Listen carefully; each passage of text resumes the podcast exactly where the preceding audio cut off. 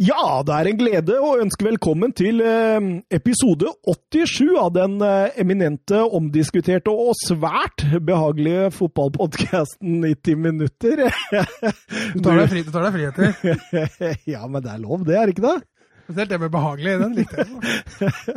Jeg veit ikke om behagelig er det ordet våre lyttere tenker først og fremst når de hører på dette her, men eh, hvordan går det, gutta? Nei, det går veldig bra. Takk. Og du? Oi, fikk jeg den tilbake igjen nå? Å, nå føler jeg meg privilegert her, jeg, altså. Åh, Du, du forbereder deg ikke lenger vet du, på svaret. Nei, jeg gjør ikke det, så jeg må jo tenke nå, da har jeg det bra. Og jeg kan jo si ja, men jeg, jeg sliter litt med sørpeværet, altså. Har du ikke begynt å jobbe igjen nå? Hæ? Har du ikke begynt å jobbe Jo, igjen nå? jo. Så det, nå er streiken over. Ja. Så det, det, det var faktisk ganske deilig. Fordi du sitter jo hjemme og føler du ikke er til nytte for noe som helst. Men, men tilbake til dette sørpeværet. Jeg liker ikke sånn skikkelig. Nå, nå må de velge. Skal det bli bart, eller skal det bli snø? Nå må de velge her. Værgudene eller hva som helst. Ja, altså det er fint sånn, før jul i hvert fall at det blir hvitt. På vei til studio her, vet du, så plukka jeg opp søren. Det så ut som en våt katt, katt langs veien, altså. Ja, det var ikke noe særlig behagelig å gå. Vi hadde 20 meter igjen, og han vurderte å ta på sikkerhetsgjerdet. Gjør ikke det. Men hadde, du refleksvest nå, eller? Nei. Nei, du har glemt det nå. Det står i den eh, boka til Søren, det vet du, den 'Hvordan leve livet 100% perfekt', at eh, selv om du kan krasje på fem meter, så taper på deg sikkerhetssela. Gode råd fra Søren. Eh, Du, forresten, Ståle Solbakken, vår alles kjære LSK-venn og gud, som har blitt kalt på Romerike, har fått landslagsjobben. Hva tenker dere om det? Nei, det syns jeg er vel fortjent. Eh, Det er vanskelig å felle en dom nå, da, men eh, jeg er syns dette er langt mer spennende enn Lagerbäck. Og med tanke på det han viste på slutten, så tror jeg det her blir eh, Eneste som er litt kjipt, er at det også er en 4-4-2-mann. Ja. Det hadde vært spennende nå å sett en norsk landslagstrener som spiller med kanter. Oh. Vi har jo så fryktelig mange gode kanter begynt å få, så Men eh, Ståle tror jeg altså er en, en dyktig motivator, tror jeg. Og Espen pratet, når Espen Olsen var her, så prata han jo om det. og Mm. jeg tror det er spennende. Veldig spennende. Ja, jeg er enig med Mats her. Altså, tenker egentlig at det er jo det beste valget vi kunne gå for. Som er norsk, ja. Ja, Men Søren, hvem. Søren, hvem ville du hatt i den tyske posten? Er Yogi Løv eller Ståle Solbakken? Ja, og akkurat nå heller jeg mot Ståle Solbakken altså Bakken, altså Bakken, altså Bakken, altså Nei, altså nå, nå, nå tror jeg egentlig det meste handler om å få, skift, få, få en utskifting. Ja. Jeg tror det kan hjelpe ganske mye allerede. Også på sikt, har jeg sagt før, har jeg veldig lyst til å ha Jørgen Klopp. Ja, ja. Uh, Til, hvis- til Norge, eller? Ja, på sikt, det òg, faktisk. På sikt, ja. På sikt. Ja. Men eh, akkurat nå er det som at hvis man kan erstatte Jogi Løv med noe som kommer med litt ny gnist inn der, da tror jeg at mye er gjort allerede, egentlig. ja. Det høres bra ut. Eh, Nisselue på kontakta oss på Twitter. Eh, refererte til et eh, intervju med Guardiola, der han fikk spørsmål av norsk journalist om eh, Altså var det på pressekonferansen i tillegg, og det var liksom ikke én mot én. Og det, jeg syns det, det er kjempekleint faktisk å høre på. Ja, du sa jeg orker ikke å se på. Nei, jeg orker ikke å høre på det når jeg så det første gang. Eh, Nei, jeg syns det er kjempekleint, for du hører for det første så hører du journalisten er norsk. Med tanke på, tanke på den dialekten han har der. Eh, What do you think about? Eh, men ellers så må jeg si, som du sa før her, han svarer jo greit for seg, Guardiola, der, når du gidder å pine deg gjennom det intervjuet der. Hva tenker du, Søren? Eh, Har dere tyske nisseluer?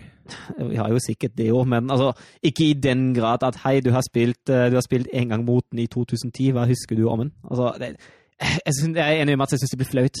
Eh, det, det, er, ikke det du skal, du skal gå på. Altså, får du, får en kommentar av Solskjær, ok, greit nok, han er norsk, han har sikkert en mening om landslaget, fair enough, men Guardiola har da ingenting med det norske landslaget eller Ståle Solbakken å gjøre. Det er veldig søkt.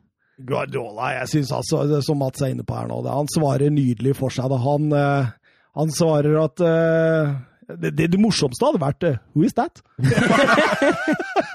Men han svarer jo for seg at han hadde vært på besøk hos den i Bayern München, og at de hadde det hyggelig der. og sånn, så eh, Pep Guardiola fremsto jo meget sympatisk i forhold til det spørsmålet, tenker jeg. Og så Jeg er helt enig. Men, eh, men eh, Jørgen Be Ready Nystuen han eh, spør oss på Twitter var gutta fornøyde med LSK-opprykk i går, og hva må LSK gjøre i forkant av 2021-sesongen? Ja, altså Fornøyd, så klart. Det er jo kjempegøy å rykke opp. Veldig viktig at man ikke blir hengende i Obos, gjør som eventuelt andre klubber som har falt som en stein etter hvert. Beste eksempel nå i Tyskland er jo Hamburg SV, som bare ikke kommer seg opp. Uh, når det gjelder det som, Norges svar på Fredrikstad, kan vi eh, Ja. og det, så, det, som må gjøres, og jeg tenker jo det er en del byggeplasser for å få laget fullstendig i modus for Eliteserien. Jeg tenker egentlig at uh, dessverre er bekkene for dårlige. Melgavis og Raffen er en hyggelig type, helt fantastiske karer. Men uh, jeg syns ikke de holder eliteserienivå, så vi trenger nye bekker. Jeg mener egentlig også at vi trenger i hvert fall én ny midtstopper, og ha Garnås og Sløder som backup og talent. Uh, veldig viktig at man kan beholde, om man kan beholde Khan Kairinen. har vært helt enorm. Det, det hørte jeg nesten er uh, utenkelig, økonomisk. Ja, Det er et problem. Markus Solbakken Er det ikke Midtjylland som er her da? Jo. jo. Ah, nei, altså Midtjylland driver jo veldig bra talentsatsing. Da. Så ja. Um, de kvitter seg jo ikke med han. Uh, men det er mulig, var mulig å forlenge avtalen, da. Mm. Han har, til, til sommeren. Ja, og han, har, ja, han har jo kontrakt ut 2021. Så. Ja, stemmer. Det var toårsavtale. Mm. Ja, og så får man jo sett. Så det er viktig. Og så tenker jeg at en litt mer kreativ ballfordeler som indreløper hadde vært noe bra. Markus Solbakken, eller? Ja, for eksempel. Ja. Uh, og en, uh, en, kant som faktisk kan utfordre. altså Daniel Gustavsson er en grei kontringsspiller, men jeg mangler litt sånn det uforutsigbare hos ham når han spiller mot etablert. Så få forsterkning. Da hvis ingen av de unge gutta virkelig tar steg Svendsen og Knutsen har jeg absolutt vist, uh, vist lovende takter. Sorry, jeg prøvde meg på Twitter med et lite sånn der uh Daniel Gustavsson-stikk her for et par runder siden. Han eh, syntes han var egoistisk. Kunne mm. bare sentra ut til side og, og, være verdens hyggeligste mann. Isteden så ruser han av en greie, og da fikk jeg passet mitt påskrevet kjapt av Harde Mottak og Morten Galaasen og i hele gjengen. Jeg tror, jeg tror han eh, Gustavsson har en høy stjerne der. Jeg, jo, altså han er jo, han, jeg sier jo ikke at han er en dårlig spiller. Men jeg, jeg savner, savner, at han kan utfordre litt mer. Som kontringsspiller er han helt enormt god. Han har jo fart, uh, fart og driv mot mål, og det er jo helt greit. Men uh, ja, litt, mer, litt mer utfordringsmuligheter. og litt mer, altså, Man kan variere kantspillet litt mer. Altså, nå, har, nå, har, man jo Knutsen og Svendsen i bakhånd, uh, og de har jo som sagt absolutt sett lovende ut. Men da ser man jo om de tar eliteserienivå, eller om de trenger litt mer tid. Det er litt kjipt å ikke rykke opp når du spiller sjæl, tror jeg. Mm. Uh, pluss at jeg sitter med så litt Jeg vet det har vært mye eufori, og folk er uh, helt i himmelen nå, men uh, altså, jeg føler ikke dette opprykket er fordi Lillestrøm har vært så fryktelig gode. Nei, den var jo bra etter ja, altså, en dårlig start. Det har vært enkeltkamper, og så hadde de en periode der hvor de gikk vel på åtte-ni seire på rad eller et eller annet. Men det har variert voldsomt. Mm. Det er vel bare én klubb på 2000-tallet som har rykka opp med mindre enn 60 poeng fra Obos. Ja, ok, såpass. Eh, sånn at det er ikke bare sånn at Lillestrøm har vært fantastiske og, og går opp. Men, men, når du ser hva de andre rundt har prestert, så er det jo vanskelig å være uenig i at det ikke er ufortjent. Men vi er ikke harde mottak, vi er fotballpodkasten 90 minutter, og derfor går vi videre til neste. neste lyttespørsmål, som eh, kommer fra jo Jonathan Hobber. Han spør hva drikker godfolket til julemiddagen? Den er fin. Cola. Cola, ja. ja. For deg er, der er, der er det enten brus eller Smirnov. Ja, altså Vi begynner med cola, og så etter hvert så blir det mer og mer Smirnov oppi den colaen.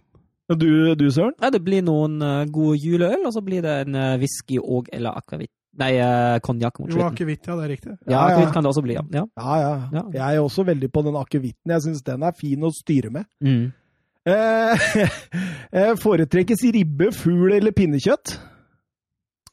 Eh, altså På julaften så er det vanskelig å ikke velge ribbe, men jeg syns pinnekjøtt er bedre. altså.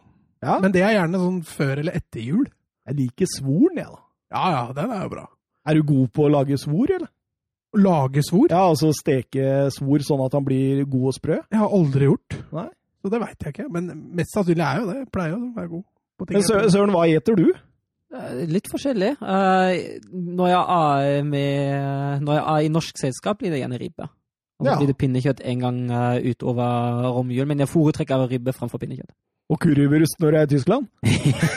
nei, men uh, Nei, ikke nødvendigvis. Men i Tyskland det er jo litt, litt annerledes. Jeg tror Jonathan spør om det òg. Ja, ja, han spør om er julaften i Tyskland lik Norge? Ja, altså Det er mye som er likt. Men det som, det som er forskjellig, er jo den maten. Uh, I Tyskland spiser man noe veldig enkelt uh, på julaften. Da blir det gjerne pølse og potetsalat. Men Ja. man eh, Pølse og potet. Ja, jeg spiser Det det er ikke fjor. lompe engang. Mats, Mats våkna nå! Han bare what? Ja, nei, det, det er det det blir. Pølse og potetsalat. Det spiste jeg i forrige fjor. Det er veldig godt. Og så har man, eh, har man eh, festmiddag både den 25. og den 26. Deilig. Hva heter surkål på tysk igjen? Sauerkraut. Sauerkraut. Eh, Med det så tror jeg vi bare tar turen videre til eh, de forferdelige ti spørsmåla. Det er Søren som stiller i dag. Veldig fint. Da er det ikke for vedelige. Jeg legger press over på deg i dag. Jeg har vondt i hodet. jo, men du pleier å være så offensiv. Ja, det jeg er, vet, men nå, det er jo jeg jeg som taper alt for tiden. Og så kommer Søren inn her og sier at spørsmålet i dag er vanskelig. Så Vi får se. Vi, vi får kjøre, Søren.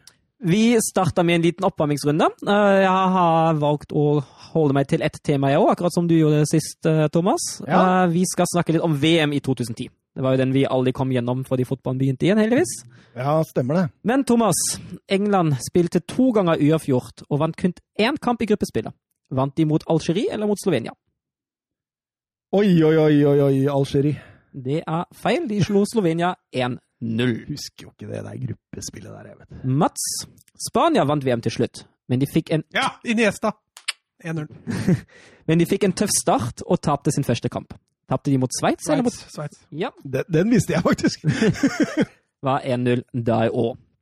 Thomas, fire spillere skåret fem mål i mesterskapet, men hvilken var ingen av dem? Var det Forlan eller Suárez som ikke skårte fem? Suárez. Det er helt riktig, han skårte fire. Ja. To poeng. Mats, hvilken av disse har ikke skåret fem? Er det Miroslav Klause eller Wesley Snyder? Det er sikkert et lurespørsmål. Eh, Hvem som ikke skårte fem? Jepp. Eh, Klause. Det er helt riktig, han skåret fire. da. Stemmer Thomas? Stemmer det? Spania vant finalen 1-0 etter en gjesteskåring. Men hvem spilte den målgivende pasningen? Var det Cesc Fabregas eller David Villa? Og mot Nederland? Mhm. Nigel de Jong blei Eller Han overlevde faktisk. Ja. Eh, det, det Fabregas. Det er helt riktig. Da fikk du full pott her, altså. Nei, jeg gjorde ikke det. Jeg bomma på første, Søren. Ja, det gjorde sant, det.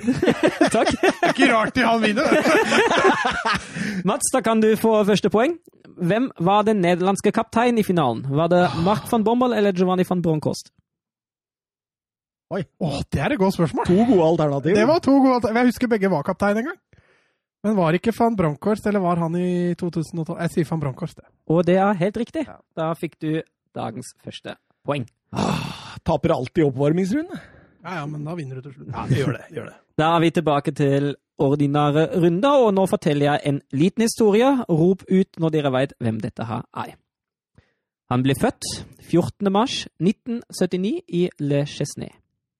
Som 16-åring fikk han i 1996 sin første kamp for PSGs første lag mot Monaco. Og allerede som tenåring hadde han stor selvtillit. Han krevde en plass i førsteelven til PSG, noe ingen av trenerne som han hadde på den tida ønsket å garantere ham. Og et år seinere, der gikk han til Arsenal. Og dette så ut for trøbbel i PSG, ettersom han ikke kunne signere proffkontrakt med PSG før han var 18, og Arsenal trengte kun å betale 500 000 pund til den franske klubben. Det løste seg seinere ved at eh, ved at han sa jeg så uansett ikke noe framtid i PSG, og jeg hadde ikke signert på den avtalen som jeg hadde foreliggende. Men i alle dager! Tiden i Arsenal ble suksessrik, og han vant serien og cupen i 1998. Hans spillemåte ga ham kallenavnet Fransk Maradona. Thomas. Ja, Robert Pires. det er feil. Åh, deilig! Han ble ikke så særlig hva, hva kalte du en fransk Maradona? Fransk Maradona. Han ble ikke særlig lenge i London, selv om han senere skulle komme tilbake til byen. Ja, det er han derre urokrokka. I 1999 banket Real Madrid på døra, det, ja? og vår spiller dro videre dit. Hæ? Ja, selvfølgelig. Selvfølgelig. Vil du svare, eller skal jeg fortelle mer? Jeg er litt usikker, men jeg tror Nei, nei, jeg svarer han. Elka. Ja? Svarer du? Nei, jeg svarer han. Ja, det er helt riktig, Mats. Da er det 2-0. Ja, ja, ja. Det var litt tidlig, da. Ja, Anelka, du glemmer litt at han har vært i Arsenal. Ja. Tenker først over Chelsea, vet du. Napoli, spørsmål tre. Napoli har fått endret stadionnavnet. Thomas. Oh. Fra Nei, du kan ikke legge inn flere svar. Du må legge inn ett svar i svaret ditt. da. Fra San Paulo til eh, Diego Maradona Stadion. Armando Maradona Stadion. Det er feil. Fått endret stadionnavnet sitt, oppkalt sitt stadion etter Diego Maradona. Han er ikke den første tidligere Serie A-spilleren som har fått oppkalt et stadion i Italia etter seg. Blant annet har Giuseppe Meazza også det. Under hvilket annet navn er Stadio Giuseppe Meazza kjent? Han sier jo. Det er helt riktig, Mats. Ja, det er 3-0. Den var enkel! Og da har vi en sånn uh, liten runde igjen, der dere skal svare én gang hver, og den som først bommer, den mister da poeng. Og da vil jeg vite alle klubber som vant seriegull i Tyskland i Bundesliga, altså siden 1963. Klubber som har vunnet seriegull i Bundesliga. Matt. Ja, Thomas, du får starte. Ah, begynner vi jo med Bayern München, da. Det er helt riktig. Ja, for jeg tar Borussia Dortmund. da. Det er helt riktig. Da får jeg ta Wolfsburg, da. Det er Hvor helt mange er det? Uh, skal vi se 13. Å, Ja, det er ganske mange, ja. Stuttgart. Det er riktig. Åh, dette bør jeg kunne. Werder Bremen. Stemmer det. Kaiserslautern. Det stemmer. Mm. -hmm. Jeg husker jo nesten ikke hvem vi har tatt nå. du Husker ikke hvem som er igjen Eller? Nei, for de begynner liksom sånn på ha. Hvem kan være Fra når var det, sa du? 1963. Eller 63-64-sesongen. Det er ikke steike. Det er jo noen jeg glemmer her nå. Borussia Mönchengladbach. Det er helt riktig, Thomas. Åh, det var den jeg hadde! Nei, da blir det å tippe, da, for nå er jeg tom. Jeg, så jeg får tippe på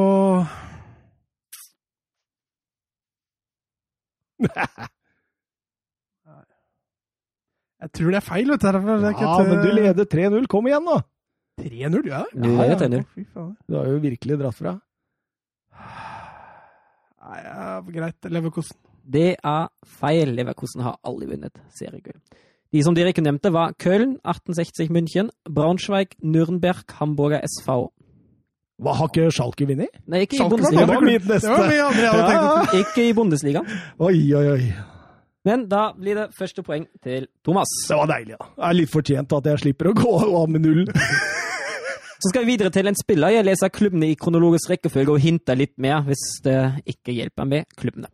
Klubbene er Osasona, Cartagonova, Sabadei, Celta de Vigo, Eibar, Huelva, Albacete, Arsenal, Westham Arsenal Thomas? Ja, Lucas Perez.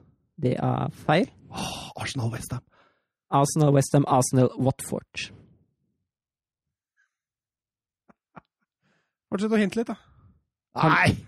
Nei, det går ikke an nå. Jeg er helt blank. Altså, du sa Osasuna Jeg kan ta klubben en gang til, i hvert fall. Osasuna, Cartagonova, Sabadei, Celta de Vigo, Eibar, Huelva, Albacete, Arsenal, Westham, Arsenal, Watford. Arsenal, Westham Arsenal Altså, han var på lån i Westham. Åh. Verst er Altså, at det står stille for meg òg, liksom. Altså Arsenal, Westham Da tenkte jeg med en gang Lucas Perez. Men Kan, han kan, kan du si år, eller? Altså, Nei, det kan jo Han kan ikke hinte mer nå. Ja, men. Tiåret, da? Nei, får ikke lov. Er det under Wenger-perioden, liksom? Godperioden, eller er det Asen Wang. ja. Jeg hadde mange hinter forberedt at Dirk skulle ta. men Fader, altså, Thomas. Jeg trenger et svar, Mats. Ja. Nei, det er jo ikke Fran Merida heller, for han gikk jo tilbake igjen til Spania. Kiko Femenia var jo i Barca. Trenger et svar. Ja, Jeg hører du sier det. Tre, to Det er det verste, det. Nå.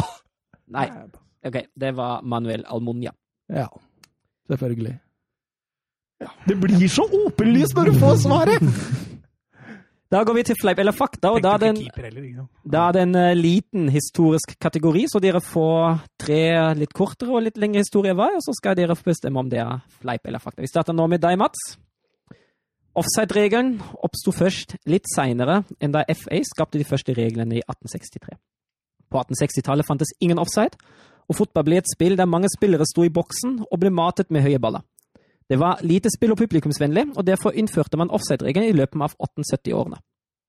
70. Jeg så den Football Factory, vet du. Mm. Der var det jo ikke sånn boksegreier. Eller i boksen. Nei. Der spilte de med fotball. Ja, ja. Det kan jo hende den historien var lagd for å gjøre litt mer publikumsvennlig. At det egentlig var bare å stå, men han derre Hva het han? eh, hoved- Glønna? Ja, han hovedfiguren der. Ja, ja, han Uh... Hauser? Nei, ikke Hauser. Nei, jeg husker ikke. Ja, Om den ble innført på 70, 1870? Det, det er bare å si fleip eller fakta, altså. Ja, men jeg prøver å resonnere. Jo, jo, men vi har et tettpakka program her, så det er bare å si fleip eller fakta. Uh, Fleip! Mats, det er helt riktig. Offside ble regulert allerede i 1863, og på denne tiden var det ikke lov å spille en pasning framover. Dette ble endret etter tre år til at tre motspillere måtte være mellom ball og målstrek, og det ble en oppmykning av offside-regelen etter hvert. Thomas? I delstaten Pareiba i Brasil endte en fotballkamp en gang 0,5 mot 0. det er garantert fakta. Det er helt riktig. Det som skjedde var at det var På 40-tallet var det en spiller som skulle ta straffespark, og ballen sprakk mens den var i lufta, så innsiden av ballen havna i mål, og utsiden havna utafor.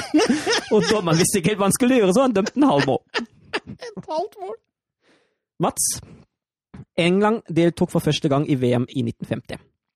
I sin andre kamp møtte laget på USA og var skyhøye favoritter. Kampen gikk imidlertid ikke som planlagt, og England tapte 0-1.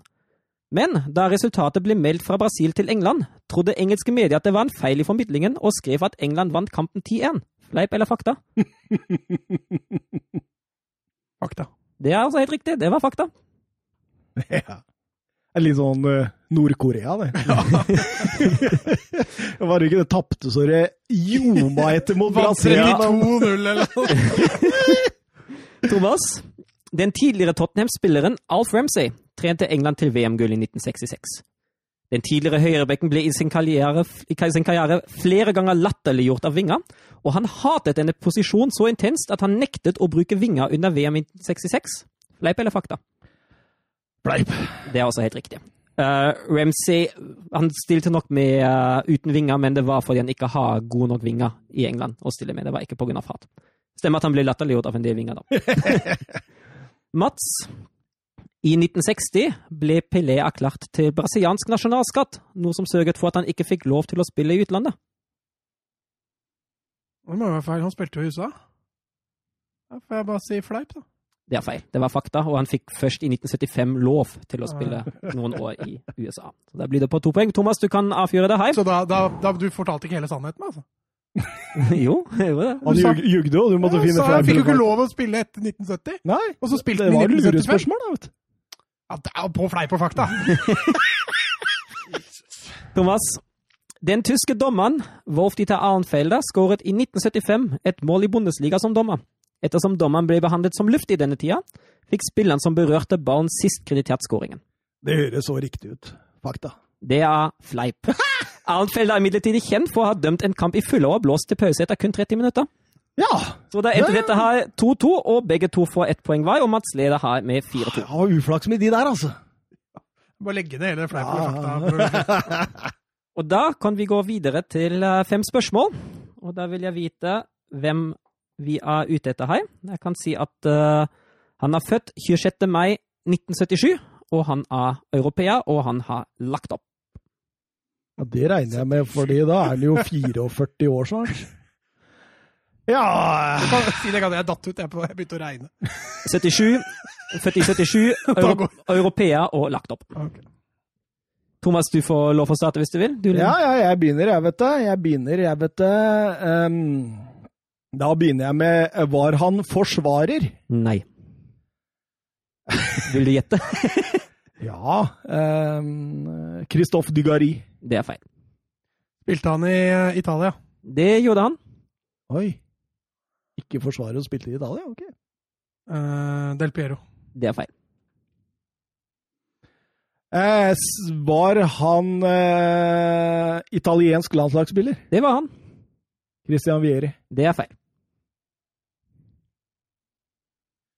Spilte han for Roma? Det gjorde han ikke. Nei, jo, unnskyld. det gjorde- Sorry, det gjorde han. Det er i hvert fall ikke han du tenkte på. og italiensk landslagsspiller, født i Og så har han vært innom Roma. Eh, Daniele De Rossi. Nei, det er ikke han. Han er jo mye yngre. Det er feil. Det er vel tredje spørsmål da, Thomas? Ja, da må jeg høre Jeg må egentlig høre med om eh, Var han eh, Var han eh, Spilte han i andre land enn Italia? Det gjorde han. Gianluca Vialli? Det er feil. Spilte han spiss? Alders... Ja, han spilte spiss, Mats. Ravelli? Det er også feil. Ravelli! Ram Ravanelli! Nå Det var sånn at jeg tenkte! Thomas Ravanelli! Bare der så burde jeg få poeng, vet du. Uh, Ravanelli, ja. Du er der, ja. Du er der, ja. Spørsmål fire, Thomas. Spørsmål fire, spørsmål fire. Uh, Uh, ja jeg, Det det er litt dårlig med den aldersgreia når de er så gamle, men, uh, men uh, Spilte han for Chelsea? Nei, det gjorde han ikke. Nei, det gjorde han ikke. Vil du gjette? Jeg står over denne runden her. Okay. Så Spurte han om han spilte spiss? Ja, det var det, og det gjorde han. 1977, da skulle han jo være tre og Stille spørsmål, da. Jeg må bare tenke. Spilte han for Juventus? Det gjorde han. Så spiss Å, Pippo Inzaghi! Det er feil. Å nei, han spilte jo ikke utenfor Italia. Thomas, siste spørsmål, siste sjanse. Denne var tung, den der. Denne var tung. Um, skal vi se Skal vi italienske landslaget Spiss, 44 år, spilt for Roma. Spilt for Juventus. Spilt i utlandet. Spilt i utlandet. Ohohoho. Den er tung, altså. Den er tung. Ehm, Blir sånn jerneteppe på, veit ikke helt ja, hvor du ja, skal du, begynne. du veit ikke helt hvor du skal begynne, ikke sant? Men eh, spilte han i Tyskland? Det gjorde han, Thomas. Åh, det er så nære nå, vet du. Det er så nære. Og det er jo Jeg har den jo, egentlig. Jeg har den jo, Ja. men nå er det jernteppe. Åh, dæken steike. Tar du tida nå, eller søren? Ja, men da- du fikk kjempelang litt, tid. altså, men Du Hadde ikke vi et fullpakka sendeskjema? Jo, vi har jo det. Dette er så dårlig av meg, vet du, at det er helt spinnvilt. Jeg har gått helt tom. nå trenger jeg snart et svar, Thomas. Nei, jeg kommer ikke på det. Du melder pass? Ja. ja. Mats? Skåra han mot Norge? Nei, det har du kanskje ikke. Det har jeg ikke oversikt over. Nei, for jeg lander Jeg tror det må, det må jo være Luca Toni. Det er helt riktig, Mats. Da går du opp i 5-2 her. Ah, det var jo den jeg leita etter. Tre spørsmål igjen. Fortsatt mulig å ta det igjen, Thomas. Ja. Spørsmål åtte. Hvem er den eneste ikke-europeiske manageren som har vunnet seriegull i Premier League? Ikke-europeiske. Ja. Mats! Ja. Nei, å! Å, jeg skulle si Skolari, men det er jo ikke han. Ja, nå må jeg bare si det. Skolari. Det er feil. Nei, det er Pellegrini. Det er helt riktig, Thomas. 5-3. Håpet lever. Spørsmål 9. Signal Iduna Park er det største stadion i Bundesliga. Men hvilket stadion er nest størst? Mats. Ja. Jeg skulle si Allians, ja, men det er kanskje feil, da. Jeg får si Allians der òg, da. Det er helt riktig, Mats. 6-3. Og da er det avgjort, men vi har et spørsmål til. Hvem leder for øyeblikket toppskårerlisten i La Liga? Å, leiter, leiter, leiter. Herregud. Nei, jeg, jeg, er ikke jeg litt blank på den, da? Jeg kommer faktisk ikke på det. Det hørte jeg jo i stad! Herre min hatt. Ja, det, det, det er jo ikke avgjørende, så det er jo bare å, Hvilken klubb spiller han for, da? Ja, kan, ja, det kan jeg si. si det. Ja, han spiller for Sociedad. Ja, Thomas. Ja. Det er Oyel Sabal. Det er helt riktig. da ender det hele 6-4 til Mats. hørte du sa at Sociedad mangler Nei, at det mangler toppskårer. Gratulerer, Mats! Og da vinner Mats Kransekake Stanger. Gratulerer, Takk for takk for gratulerer. Blei eh, tellende, de der fleip eller fakta og oppvarmingen her. Blei eh, ganske tellende. Ble? Ja, Men det var en god kamp. Vi må bare sette i gang. Vi har så mye å gå gjennom.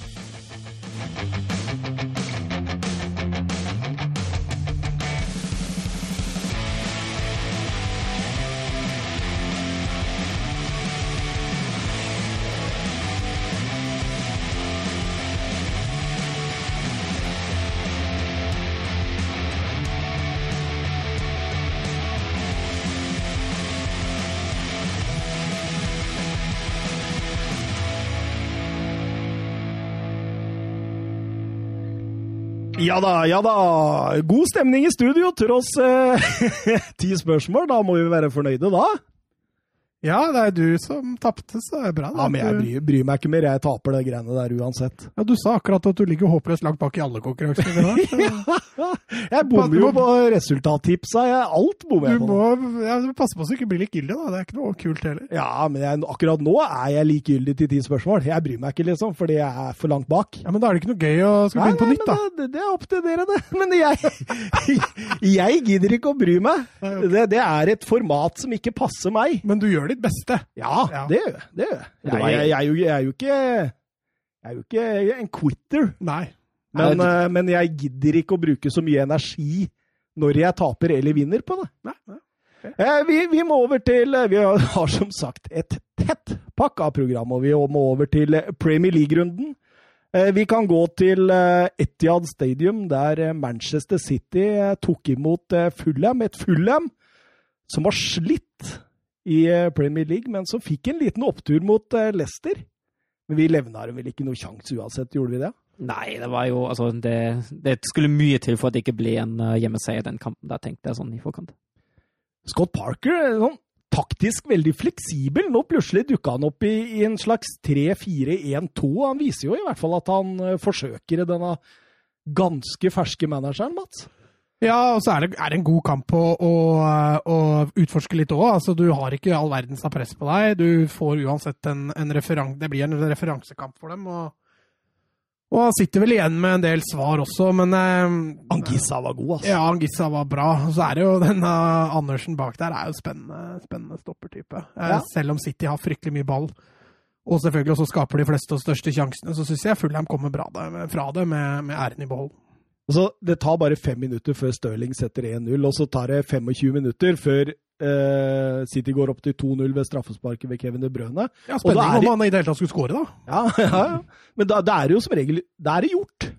Ja, og det, det, ser man jo på City òg. Altså, det blir jo, det blir jo det blir veldig, veldig, mye offensivt og veldig mange sjanser de første 25. Og så blir det litt etter det, men altså, man, man, merker jo at City vet godt at dette er over. De gjør egentlig ikke noe særlig mer nødvendig heller. Guardiola han brukte faktisk ingen bytter. Ingen bytter. Altså det har, han har leda Barcelona, Bayern München og City til sammen i 416 kamper, og han har aldri gjort dette før. Det sier kanskje litt, tenker jeg, på hvordan City bare slo ned tempoet og nærmest bare fullførte kampen. da. Mm. Ja, men du ser det jo også, det er ikke like mye sprut i City utover i andre omgang. Er, de tar ikke kontringsmulighetene de får. Det er, det er relativt safe og trygt, og de har en ikke si de har en viktig Champions League-kamp i morgen, men de skal jo møte opp der òg. Mm. Mm. Og, og Rodri syns han begynner å vise muskler nå? Ja, så spiller han jo en slags Jeg tror vel egentlig det er en slags toer dypt nå. Det funker ja. jo bra, det for han. Han og Gundogan uh, leverte bra den kampen her. Og det er en, det er en trygghet på den midtbanen til, til, City. Og hvis de to får det til å fungere, så kan det hende De Brøne kan bruke mer av kreftene sine offensivt. Ja, for det er det, der er du inne på noe som jeg tenkte på. For akkurat det, når han gjør det der, så så er det akkurat som Kevin De Brøne får bare sånn ja, du kan gjøre hva du vil. Mm. Og da er jo De Brønne god. Han har jo en i tverra der i annen omgang og, og, dikterer jo mye. Ja, og så har han mye fine fremspill òg. Det er jo De Brønne. Eh, det er klart dette er en enkel motstander for City, og han bør briljere når han spiller disse kampene. Men, men hvis de får til det systemet mot de bedre laga, så kan det bli artigere for De Brønne også. Grei, City-seier, altså. Vi skal over til Westham mot eh, Manchester United. Jeg, jeg, vil si det var Manchester United som egentlig fikk kjørt seg voldsomt i første omgang, spesielt av Jared Bowen. Ja, herregud, han var jo overalt og involvert i egentlig alt Westham tok, uh, tok for seg framover. Uh, det som kanskje var det mest skremmende, altså, man har, man, United uten, uh, uten Rashford og Sali uten Fernandes altså, det er en forskjell på de lagene der. Det er United uten Fernandes og United med Fernandes, det er som dag og natt. Ja. Eh, men det som kanskje skremte mest, var de mange enkle balltapene som skjedde sentralt i midtbanen eh, til United. Jeg skal ikke ta fra Westham noe som helst. Westham gjorde det fantastisk. Var West aggressive der. Westham var aggressive, Westham var gode. Men jeg føler at fra spillere som spiller i United, da kan man forvente litt mer enn det der, altså. Declan Rice. Mm. Han er strålende, altså. Ja, og han er jo også uh, visekaptein på dette Westham-laget, så han, han, han er utrolig viktig. Uh, og verdien hans stiger jo nesten for hver kamp han spiller. Nå har han jo også spilt seg inn fast i det engelske landslaget. og Rice må jo antageligvis ta steget videre etter hvert, og det blir ikke billig å hente han. Lukter Chelsea, eller? Han sliter jeg med å plassere i en klubb. Altså, United hadde trengt den, City hadde trengt den. Eh, Arsenal, Arsenal, Arsenal hadde den. Der er, det er mange klubber som virkelig kunne ligget langflat etter han, som hvor han bare hadde gått rett inn og vært dominerende. Han hadde blitt stopper på Arsenal. Ja, men det kan godt hende han hadde blitt i City òg. Ja. ja, ja, for all del. Fall i Arsenal. Eh, Men eh, Thomas Zuzek, han, han Ja, han løper vel inn en corner på bakerste der. Eh, Allerede da har jo Fornals hatt to kjempestore, en i stolpen også. Så altså, United har litt tur at de ikke ligger under mer enn 1-0 når man går til pause. Ja, og i hvert fall når man ser den situasjonen med Aller fem minutter før pause. Om det Det nå... er, hva skjer der? Nei, Ja, ja, han har for lange bein.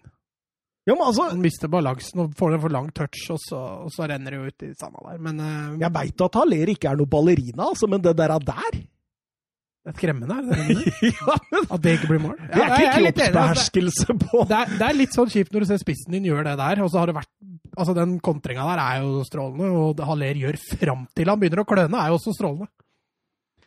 Men så eh, går vi til pause, og Solskjær han finner ut at nei, nå har jeg hvilt eh, Rashford og eh, Bruno Fernandes lenge nok. Ja, det var 45 minutter for lenge, egentlig. Ja, ja, ja, de skulle vært inne, men, men samtidig så Jeg syns jo på en måte det går litt tid før det virkelig sitter, og det sitter vel egentlig ikke før Pogba setter 1-1 der. Ja, så tror jeg nok Westham bør takke seg sjøl litt òg, for den blir faktisk kontra på av United når du leder 1-0 utover i andre omgang. Altså, det Altså, Vi snakka sist om Hasselhuttle som har den stilen, og that's it. Men Moyes bør ha et litt større register med dette Westham-laget, og snøre sekken, rett og slett. ja, og det er Men jo ballen var ute. ja, Trolig var han det. Ja, altså, BBC har ganske klare Ja. verktøy på det. ja, da var han ute. Så det er jo litt tur. Litt tur. Er det tur du mener? Ja, De har litt tur United der som får lov å fortsette. fordi du ser jo til og med Aron van Bissaka. Han snur jo, for han ser jo dette, at den er over. Eh, David Moyes han står jo og kikker rett opp i lufta og liksom sånn Den er vår. Eh, så du ser jo det også på spillere, egentlig. At det er utenom Bruno Fernandes, da. Han tar Jeg sjansen. så jo det var, eh, var noen videoer der ute, eller tegninger var det vel der ute, av at den ballen var ute. Og hvis det stemmer, så er det jo klart at da har de jo kjempeflaks. Men der går det jo litt mer på menneskelig feil. da. Jeg tror det er vanskelig å bedømme om en ball er ute når den er eh, 20 meter opp i lufta.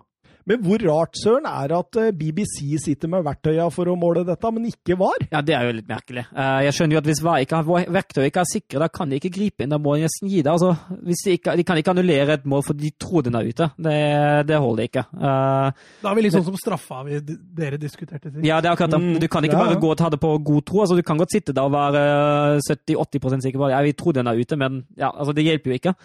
Men eh, jeg er helt enig. Altså, at BBC, altså, at BBC har verktøy som hva burde ha, men ikke ha, det, det er litt skremmende å tenke på. Altså. Dette var jo katalysatoren. Det, det, da begynte det å skje noe i Manchester United. Ja, altså, skal vi, altså Pogba hadde en relativt svak kamp, men det målet der, det er treff. Ja. Og eh, regissert av Bruno Fernandes og, Og linjedommeren. og linjedommeren. Ja, men altså, ja, men altså selv om du selv om, Jeg er enig i at United presser på etter 2-1, eh, og det skjer noe, men de målene de skårer både 1-1 og 2-1, det er egentlig mest individuell klasse. Altså Hvis man ser på, på Pogba og Greenwood der, altså. Ja, at Solskjær er redda av det Fernandes-kjøpet, det er jo ingen tvil om. Ja, og det har han vært lenge nå. Ja. Den dagen han blir skada. Bruno Fernandes han bærer Manchester United på skuldra sine nå. Eh, men klasse det Greenwood gjør tre minutter etterpå, da. Ja, ja. Den skåringa der, det er en eh, klassisk nierskåring. Eh, kjapp vending og, og skudd. Tenkte Bergkamp, jeg. Mm. Det var helt nydelig. Og um, Marcus Rashford kontrer inn eh, 3-1. Ja, Han hadde jo akkurat brent en storsjanse da, i, i stolpen, og så får de 3-1. Og, og dette er jo klart den beste perioden til United i hele kampen. og det da bruker de altså bare drøyt et kvarter, og så har de snudd det til 3-1. Hør her, hør her, gutta.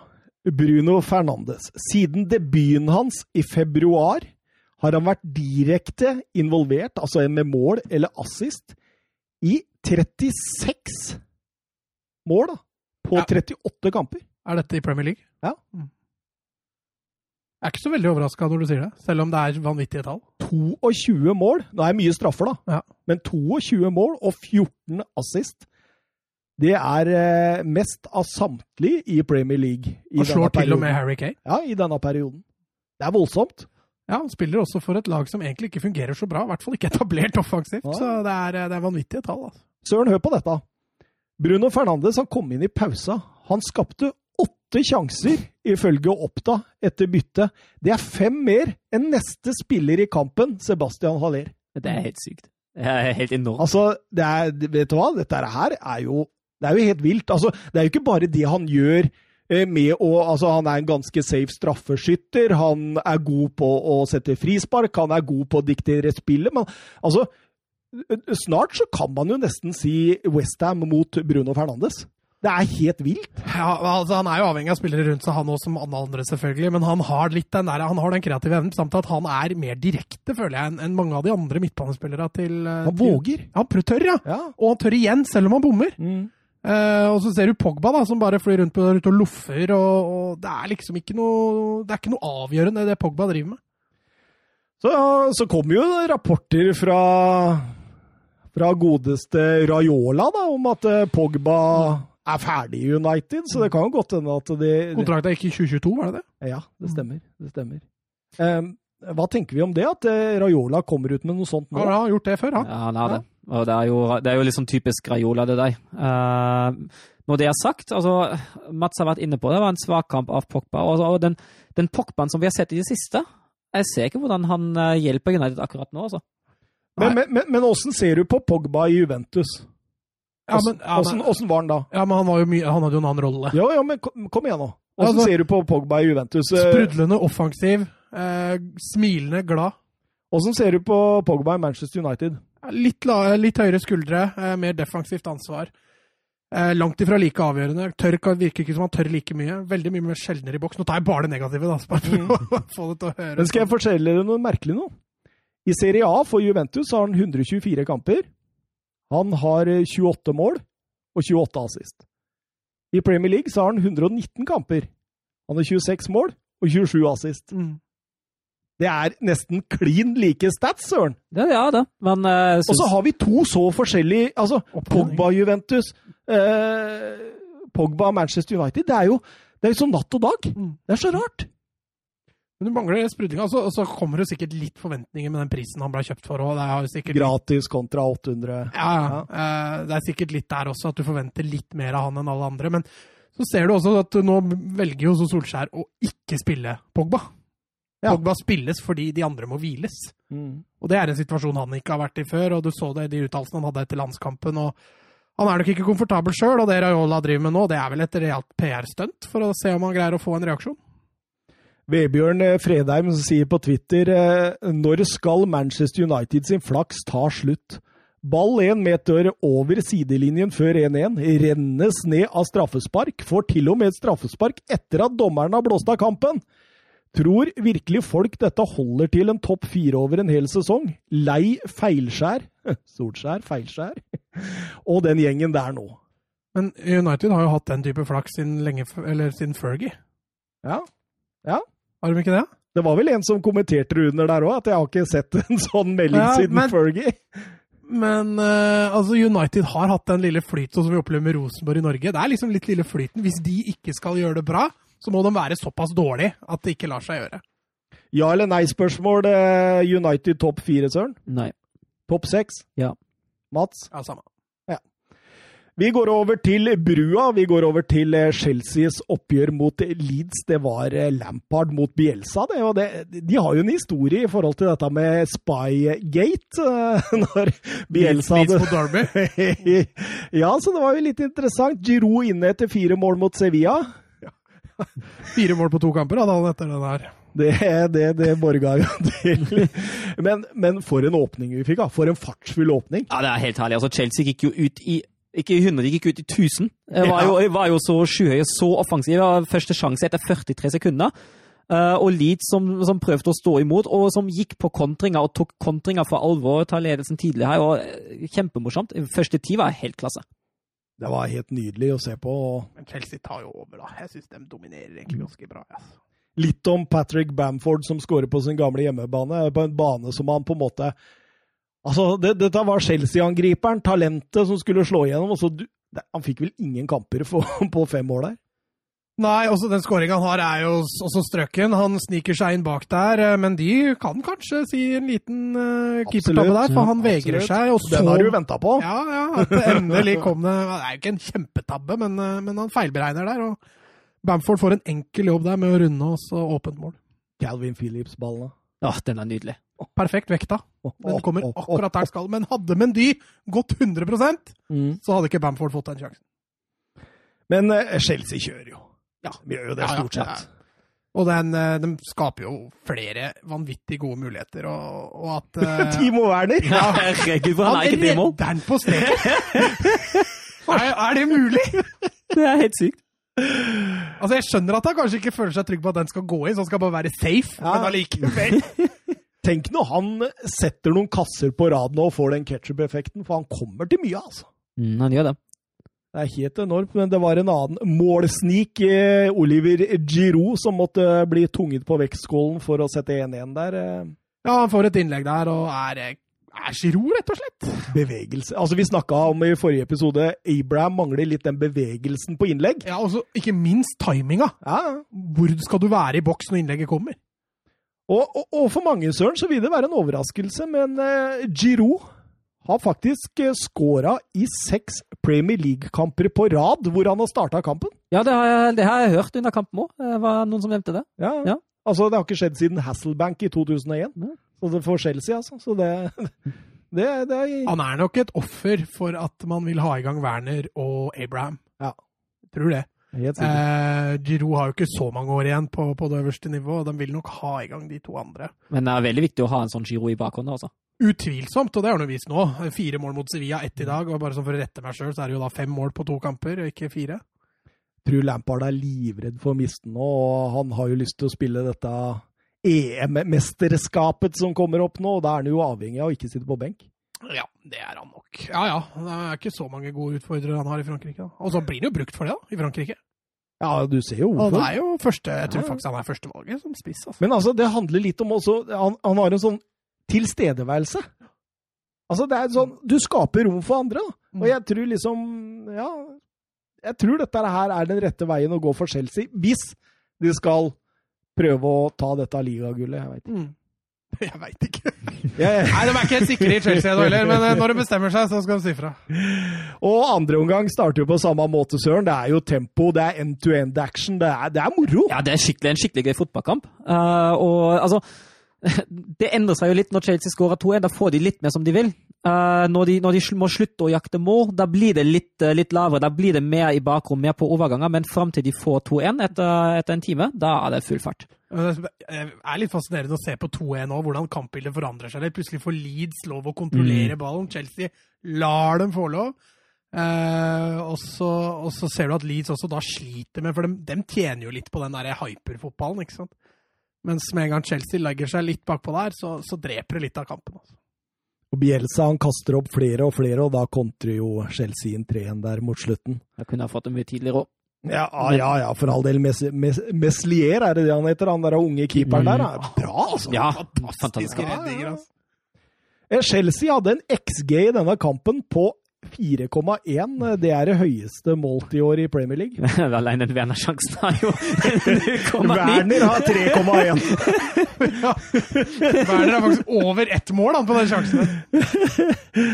Eh, vi går over til eh, Tottenham Hotspur Stadium, hvor vi eh, skulle være vitne til et North London Derby. Arteta tilbake i en 3-4-3, mens Mourinho i en kjørte en slags 4-2-3-1.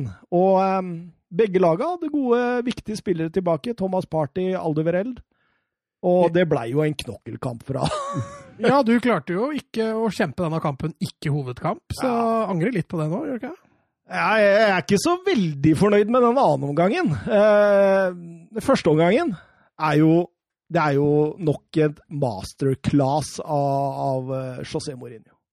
Jo, men han har nå fått til en offensiv, spesielt i ankomstfasen, gjerne hvis motstander er litt i ubalanse. Det Tottenham gjør der, det er det få, om noen i Premier League, som er like gode eller bedre på.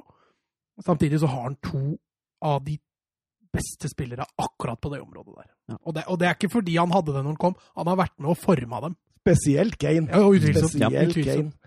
Men eh, Son der, da. Den 1-0-søren. Ja, fy faen, den er jo helt Få en scoring! Ja, det er helt Det er eh, helt unna. Altså, den eh, Det er Altså, men det må jo sies at eh, Holding, han rygger jo fortsatt. Altså, han, han er jo rygget ut av stadion nå. Han er på vei opp i Yorkshire et eller annet sted. Det er jo ingen som angriper ballfører heller, men altså, det, det, det skal jeg ikke ta fra sånn, noe som helst. Dette er enormt. Det er klasse. Men, men nok en gang så blir Arsenal tatt litt i ubalanse, og jeg skjønner Holding så godt. Når du er en trebekslinje der sånn, støter du og blir dratt av, da er han jo nesten aleine med keeper, da. Mm. Og det som, det som var jo litt problemet til Arsenal, de valgte jo litt den United-taktikken. De fokuserte på å vinne, å vinne ballen høyt og hindre de overgangene tidlig. Men så snart Kane uh, vinner den avgjørende duellen, da er det egentlig ganske kjørt.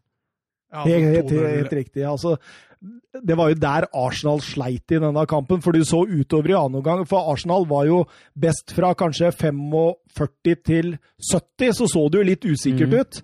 Og da syns jeg at Arsenal var ekstremt gode i den gjenvinninga etter å ha tapt ball. Ja, jeg er helt enig.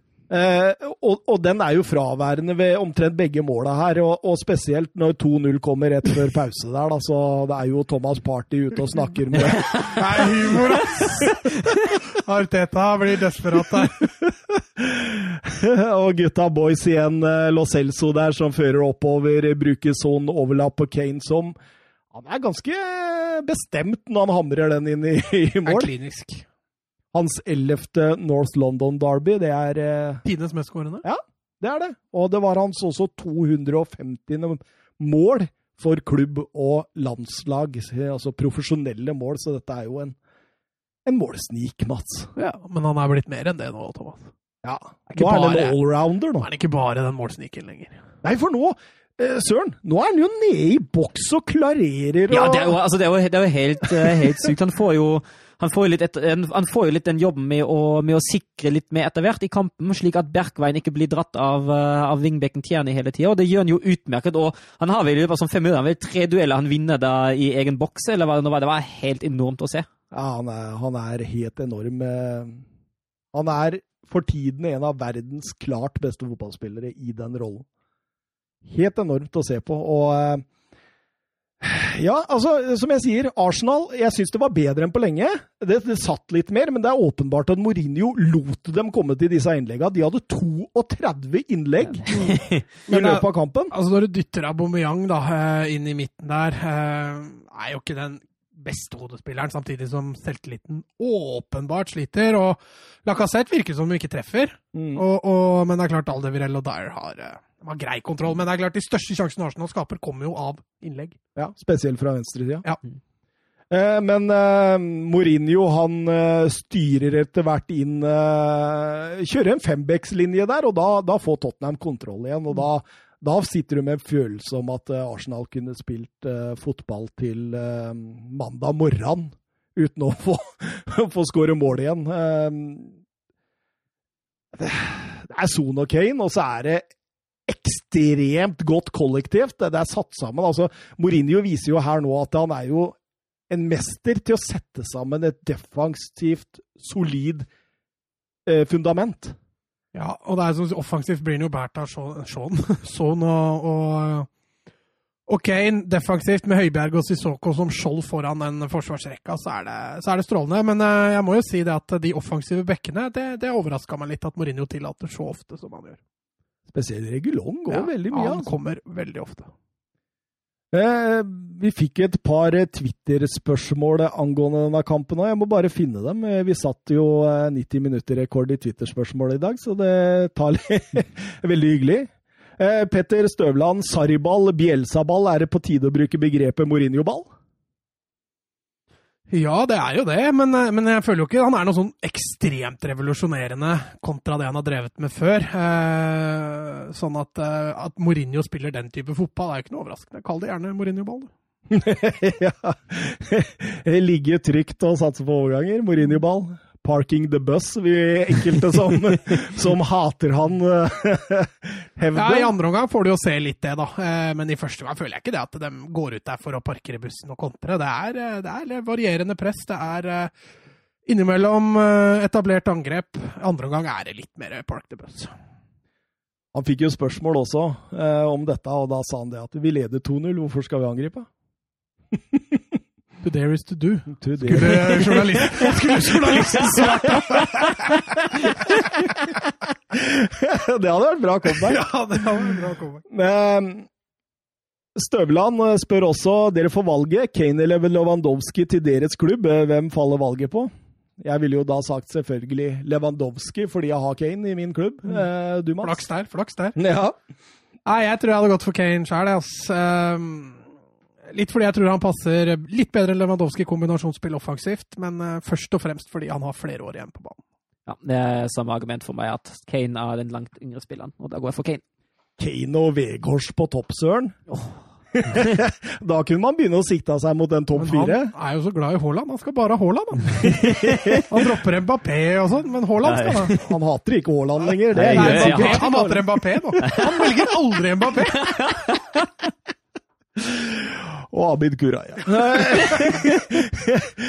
Liverpool, eh, Wolverhampton, eh, det var jo et eh, ja, litt sånn spesielt Wolverhampton-lag, syns jeg. Fordi altså, ja, det er sjelden de har sett et Wolverhampton-lag så forsiktig i tilnærmingen. Ja, det, det kan du si. Det var, altså, det var egentlig mest uh, ikke gi dem bakrom, ikke gi dem de rommene de trenger. Og, jeg- men når de først sier det, jeg syns den jobben gjør, gjør de bra, fram til de gir bort 1-0. Men uh, Liverpool slet første Så spiller de uten midt, en klar nummer ni òg.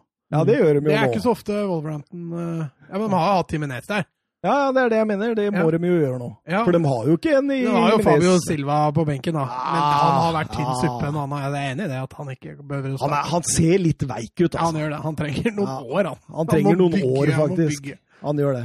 Uh, men det gjør at det etablerte for Wolverhampton det blir veldig stykka opp, altså. Og selv om Podens og, Pedro Neto innimellom gjør noe genialt, så Altså Når Podens fyller opp i boks, så slår jo ikke de innleggene i lufta.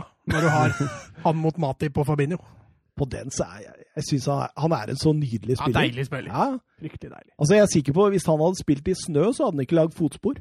uh, ja, nei, det kan godt hende, faktisk. Altså, altså Vi snakka om eh, kroppsbeherskelsen til Sebastian Haller i stad. Ja, for Tyngdekraften gjelder liksom ikke så mye for han. Nei, det gjør ikke det. Han, han lurer Ja, han er litt bedre enn tyngdekraften. Jeg er helt enig. En annen som noen ganger lurer tyngdekraften, er jo Mo Salah, Søren.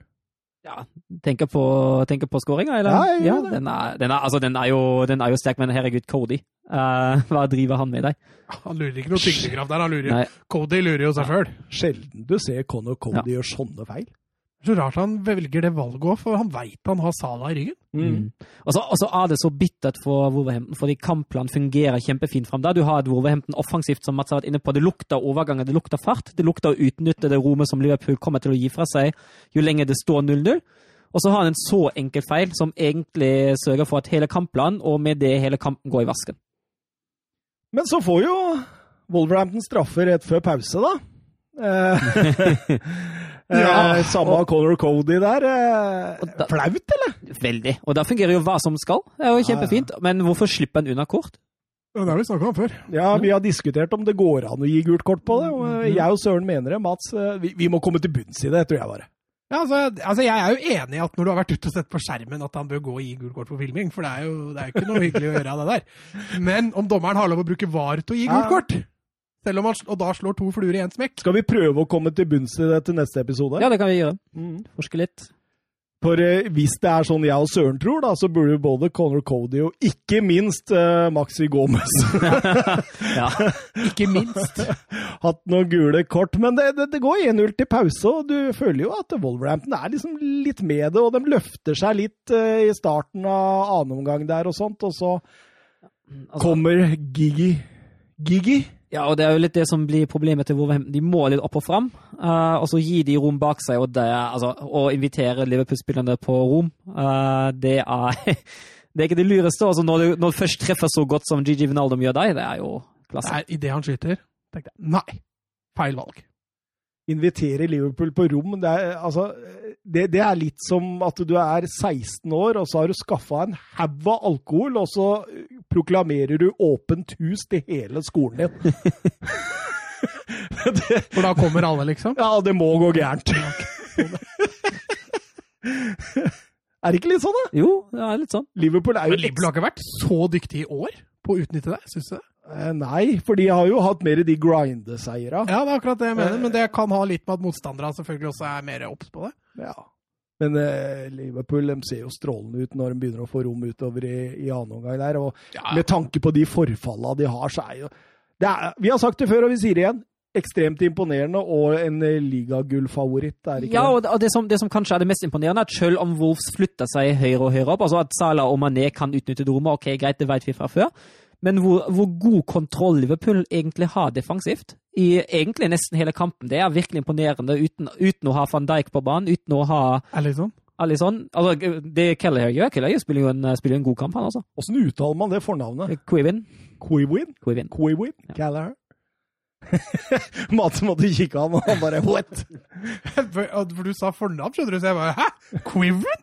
Åssen fikk du til det, tenkte jeg. Keller? Keller? Ja, Kevin Keller! Jeg sirkulerer et video med ham på sosiale medier hvor han uttaler navnet sitt. Så han sier Quivin. ah, noen har vært altså, i forkjøpet, ja. 3-0. Joel Matip skårer på corner. Det har han gjort seks ganger for Liverpool tidligere, alle på headinger, så det var ikke noe uvant. Og så er det en gammel kjenning av Mats som setter et selvmål på fire. Ja, og det er eh, godt for Barca-sjela å se at han sliter defensivt også i Wolves. Eh, han er villig med offensivt. Det er samme tralten som i Barcelona. Nå skal ikke han ha det selvmålet, sånn at det er en tabbe. Men eh, jeg syns han sliter defensivt i den kampen her, og akkurat samme som Asle dreiv med i, i eh, Barcelona. Det selvmålet der er selvfølgelig litt uttur. Han har jo, blir jo satt i en forferdelig situasjon som forsvarsspiller når du får innlegget mellom keeper og, og boks, og Mané lurer jo bak. Det er klart å tappe den inn. 64 Premier League-kamper på rad på Anfield uten tap. Det er 53 seire, 11 uavgjort og 0 tap. Det er 169-42 i målforskjell. Det er nest best gjennom hele eh, Premier League-æraen. Veit dere hvem som er best? Chelsea. Chelsea under Mourinho. ja. Det var 82 hjemmekamper på Stamford Bridge uten eh, tap. Oi, oi, oi, vi må over til eh, Spania. Vi må over til Sevilla, Real Madrid og det Ja! Ja, veldig I alle dager, Ja, liksom. den runden her i Spania, det var trøtte greier. Men, men, men samtidig, Mats. Real Madrid gjør det de skal Ja, her og, nå. dette, og det mener jeg. Dette her var den mest solide i gåseøyne kampen på Real, til Real Madrid. På, altså, vi må til interkampene. Da var de bra. Men i La Liga så er det lenge siden vi har sett dem så solide, og det mot et på papiret i hvert fall et bra lag. Ja, så var vi inne på siste episode at det, måten å stoppe Real Madrid på, er å stenge de sentrale kanalene og så på en måte isolere eh, kantspillet. Eh, de som klarer det, har en god sjanse. Sevilla sleit med dette, og da ser du at eh, Men han velger også den faste konstellasjonen sin på midten nå, med Casemiro, Modric og Kroos. Eh, der er det mye, mye Hva heter det for noe når du har bra samspill? eh, Flair Nei. Eh, forståelse? Hva er ordet du nei, Sa? Samhandling? Samhandling er et bra Samhandling. ord. Det var ikke helt det jeg var på jakt etter. Men, eh, det- Samleie. Ja, samleie. De tre har et, de tre har et veldig bra samleie. Eh, men, men de tre får det til å funke veldig bra i den kampen her, og de, de er flinke til å stenge rom defensivt, selv om Sevilla har en del mer ball enn en Real Madrid i den kampen. Så, så føler man liksom ikke det er ordentlig trua. De har vel to brassespark, Sevilla, som både det største og det mest spektakulære sjansene de, de klarte å skape. Men eh, Lopetegi han justerer litt eh, til annen omgang, og Real Madrid skårer jo egentlig Sevillas beste periode. De gjør det, og de er jo på en måte uheldig, men allikevel en keepertabbe, vil jeg påstå. Jeg syns ikke det er et strålende keeperspill av Bono. Han er litt ute på feil distanse der, men eh, blir jo ødelagt av egen forsvarsspiller. Eh, Søren som keeper Bono i denne kampen. Nei, altså Det, var jo ikke bare dette. Nei, jeg, jeg syns ikke det var noe imponerende, og jeg er helt enig med Mats at den målet der, det må han ta på sin kamp. Altså for det første kommer han nølende ut. Uh, han kommer egentlig ut når det er altfor seint. Og for det andre, han er jo ikke forberedt på at ballen skal sprette og komme, men du må være forberedt på det. Uh, og da blir det som det blir, og det mener jeg uh, kan han lastes for. Mm. Og nei, det var ikke en, ikke en særlig imponerende kamp av Bono, det der var første selvmålet av en keeper i denne sesongen i La Liga, og det første Sevilla-keeperen på hele 2000-tallet som har gjort det. Ja, nå har vi jo kjeften. Nå var vi ikke helt fornøyd med Vaklik forrige serierunde, og så kommer Bono inn nå, og så gjør han dette. Så det, det, er ikke veldig betryggende. Sevilla fikk jo ordentlig overhøvling av Chelsea i midtuka òg, så, så, det er en dårlig uke for, eh, for Lopetegi. Eh, nå har han gjort unna de to av de vanskeligste kampene i år, så det blir spennende å se hvordan Sevilla reiser seg. For nå det har vært lite imponerende, det Sevilla har drevet med de siste ukene. Kan dette redde jobben til Zidane, eller? Ja, men jeg tror det går... eller, eller er det viktigere det som skjer nå i morgen? Ja, det er nok hakket viktigere. Ryker de i Champions League, da er det krise. Ehm, men ehm, jeg tror det sitter langt inne å fyke Zidane. Altså. Eh, Didrik Tofte Nilsen spør oss på Twitter han Søren, eh, hvis eh, Real Madrid fyrer Zidane, hvem betaler? ta? Jeg har hørt noen rykter om Pochettino, ja. Ja. ja han... tar, det, tar, det mer seriøst enn når uh, navnet hans dukka opp i Barca? Ja, for han sa jo sjøl at han ikke vil til Barcelona pga. at han respekterer Español for mye. Mm. Uh, men nå er jo Español og Real ikke akkurat kjent for å være erkerivaler. Så jeg føler jo at det er ikke noe i veien for jeg ham. Jeg tror også det er en bra match. Ja. Det er mye unggutter i, i eh, Real Madrid som skal bygges opp. og og Porcedino er nok en hakket hvassere taktiker enn Zidane, og han er utvilsomt bedre offensivt enn Zidane, så, så, det er ikke sikkert det er en dårlig match. Men nå, nå har jo Perez sittet og knuga på Dinerosen dinerosene i lang tid for å, å, bygge et slags nytt fundament til ny sesong. Det snakkes Kamavinga, det snakkes eh, Mbappé, det snakkes Haaland, det snakkes ditt og datt. Eh, Ditt og datt? Eh, ja. Smitt og smule. men, men, men, er ikke da, uansett hvordan dette går, eh, sitte med Zidane ut sesongen og så si takk for deg nå? Det går, det går, jo an. Det er jo altså så lenge, altså, så lenge man holder seg sånn noenlunde i, uh, i, slaget i Champions League og ligaen, uh, og ikke faller som en stein, bør ikke det være noe i veien med tanke på at uh, laget alle som du sier som det er. Uh, Zidane har de fortjenester rundt klubben som han er, og man kan ikke nødvendigvis forvente umiddelbar bedring nå uansett. Så det er jo absolutt en mulighet. Og heller planlegge, planlegge langsiktig uh, fra min neste sesong, og selv hvis man havner på tredje- eller fjerdeplass, så lenge man spiller Champions League neste sesong. Uh, altså det er jo det viktigste. Mm. Ja, og Real Madrid inn topp fire. Det tror jeg er langt mer sannsynlig enn Barcelona inn topp fire. uh, men jeg tror nok også, som du sier, så lenge Real Madrid ikke driter seg ut, så sitter mm. Zidane ut sesongen. Ja. Skulle det ja. bli sånn at de plutselig havner 10-12 poeng bak Champions League, de ryker ut allerede nå, da sitter nok Zidane fryktelig, fryktelig Og Real Madrid er ikke flaue over å fyke trenere i hytt og pinne. Altså. Med en stor sjanse for at han sitter ut sesongen og eh, blir bedt om å gå Eh, etter sesongen. Stor sjanse. Ja, det er det. Jeg tenker at det er det som skjer. Jeg syns den er veldig vanskelig, for jeg tror Peres og Zidane har et bra forhold, altså. Ja, ja, men altså Altså, Perez han er jo ikke fornøyd med fjerdeplasser, hvis det er det det blir. Nei, det blir det jo ikke. Men, men skulle de vinne La Liga eller Champions League, da, så, mm. så blir det vanskelig å fyre Zidane. Ja. Eh, en annen det er vanskelig å fire, det er eh, Diego Simione. Atletico Madrid eh, tok imot Real Valladolid, og altså Det var en dørgende kjedelig førsteomgang.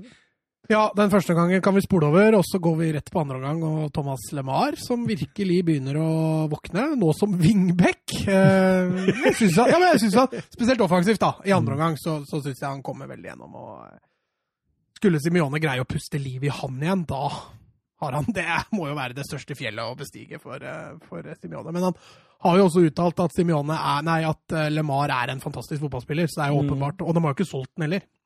Nei, han har jo vært der i to og et halvt år. Da. Ja da, så han har jo fått prøve seg sånn sett. Men, men skulle han forrige gang, nå har han fått i gang Jorente, blitt en klassespiller. Får han i gang LeMarne også, så både bredden og, og, kvaliteten på det første laget blir jo mye bedre. Ja, for Jorente han setter jo 2-0. Eh, mm. flott scoring, det òg. Ja, ja. Trippier med to assist. Det er sterkt. Det er ja. første engelskmann siden eh, David Beckham Ja. eh, i hva, Når var det? da? 2006 en gang? tror jeg. Men altså, det, som, det som skjer med Valladolid før 2-0 da eh, Det er to spillere som halvveis går mot Trippier, som da har ikke noe problem med å stusse videre i et rom som er fullstendig ledig. Altså, det er jo ikke noe Ja, men Offensivt har jo Rente der òg. Det er en sånn typisk spiller i form. da. Presse seg foran forsvarsspilleren istedenfor å vente på forsvarsspilleren. Eh, og så når han kommer aleine med keeper der, så er det jo klinisk. Altså eh, Atletico Madrid topper eh, La Liga nå, vet du, fordi eh, Sociedad Spilte uavgjort. Ja. ja eh, de har sluppet inn to mål! To mål på de første ti! Altså, det er kun Deportivo la Coronia i La Ligas historie Mm. som har klart det. Det skjedde i 93-94-sesongen. Var det gullsesongen? 93-94? Ja. Nei. Nei. Eh, ja, nå ble jeg usikker. Ja, ja. Gullsesong, Deportivo hadde jo en Det er du som er vårt La Liga. Jo, men dette er lenge før jeg begynte å jeg Du husker jeg skal- Diego Tristan og sånt? eller? Jeg husker men Ja. 93-94. Det var kanskje litt tidlig, det. 2000 vant jo Deportivo. Men uh, det er jo midt i Dream Team-perioden til Cruyff, da. Ja. ja. Eh, de har 26 kamper på rad uten tap i La Liga. Det er det niende beste i La Liga-historien, Søren. ja, Det er imponerende. De speiler jo akkurat Schalke. Ja. Det er jo morsomt, det. De har sju seire på rad. Det er klubbrekord. eh, Klubbrekorden var fra, på ni. Så de er rett unna det også. Mm. Og de har 17 hjemme uten tap. Eh,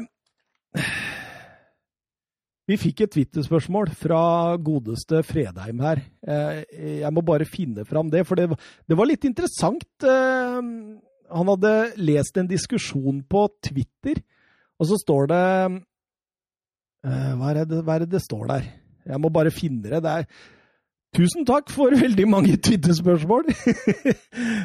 Men det er vanskelig å finne dem her. Jo, her.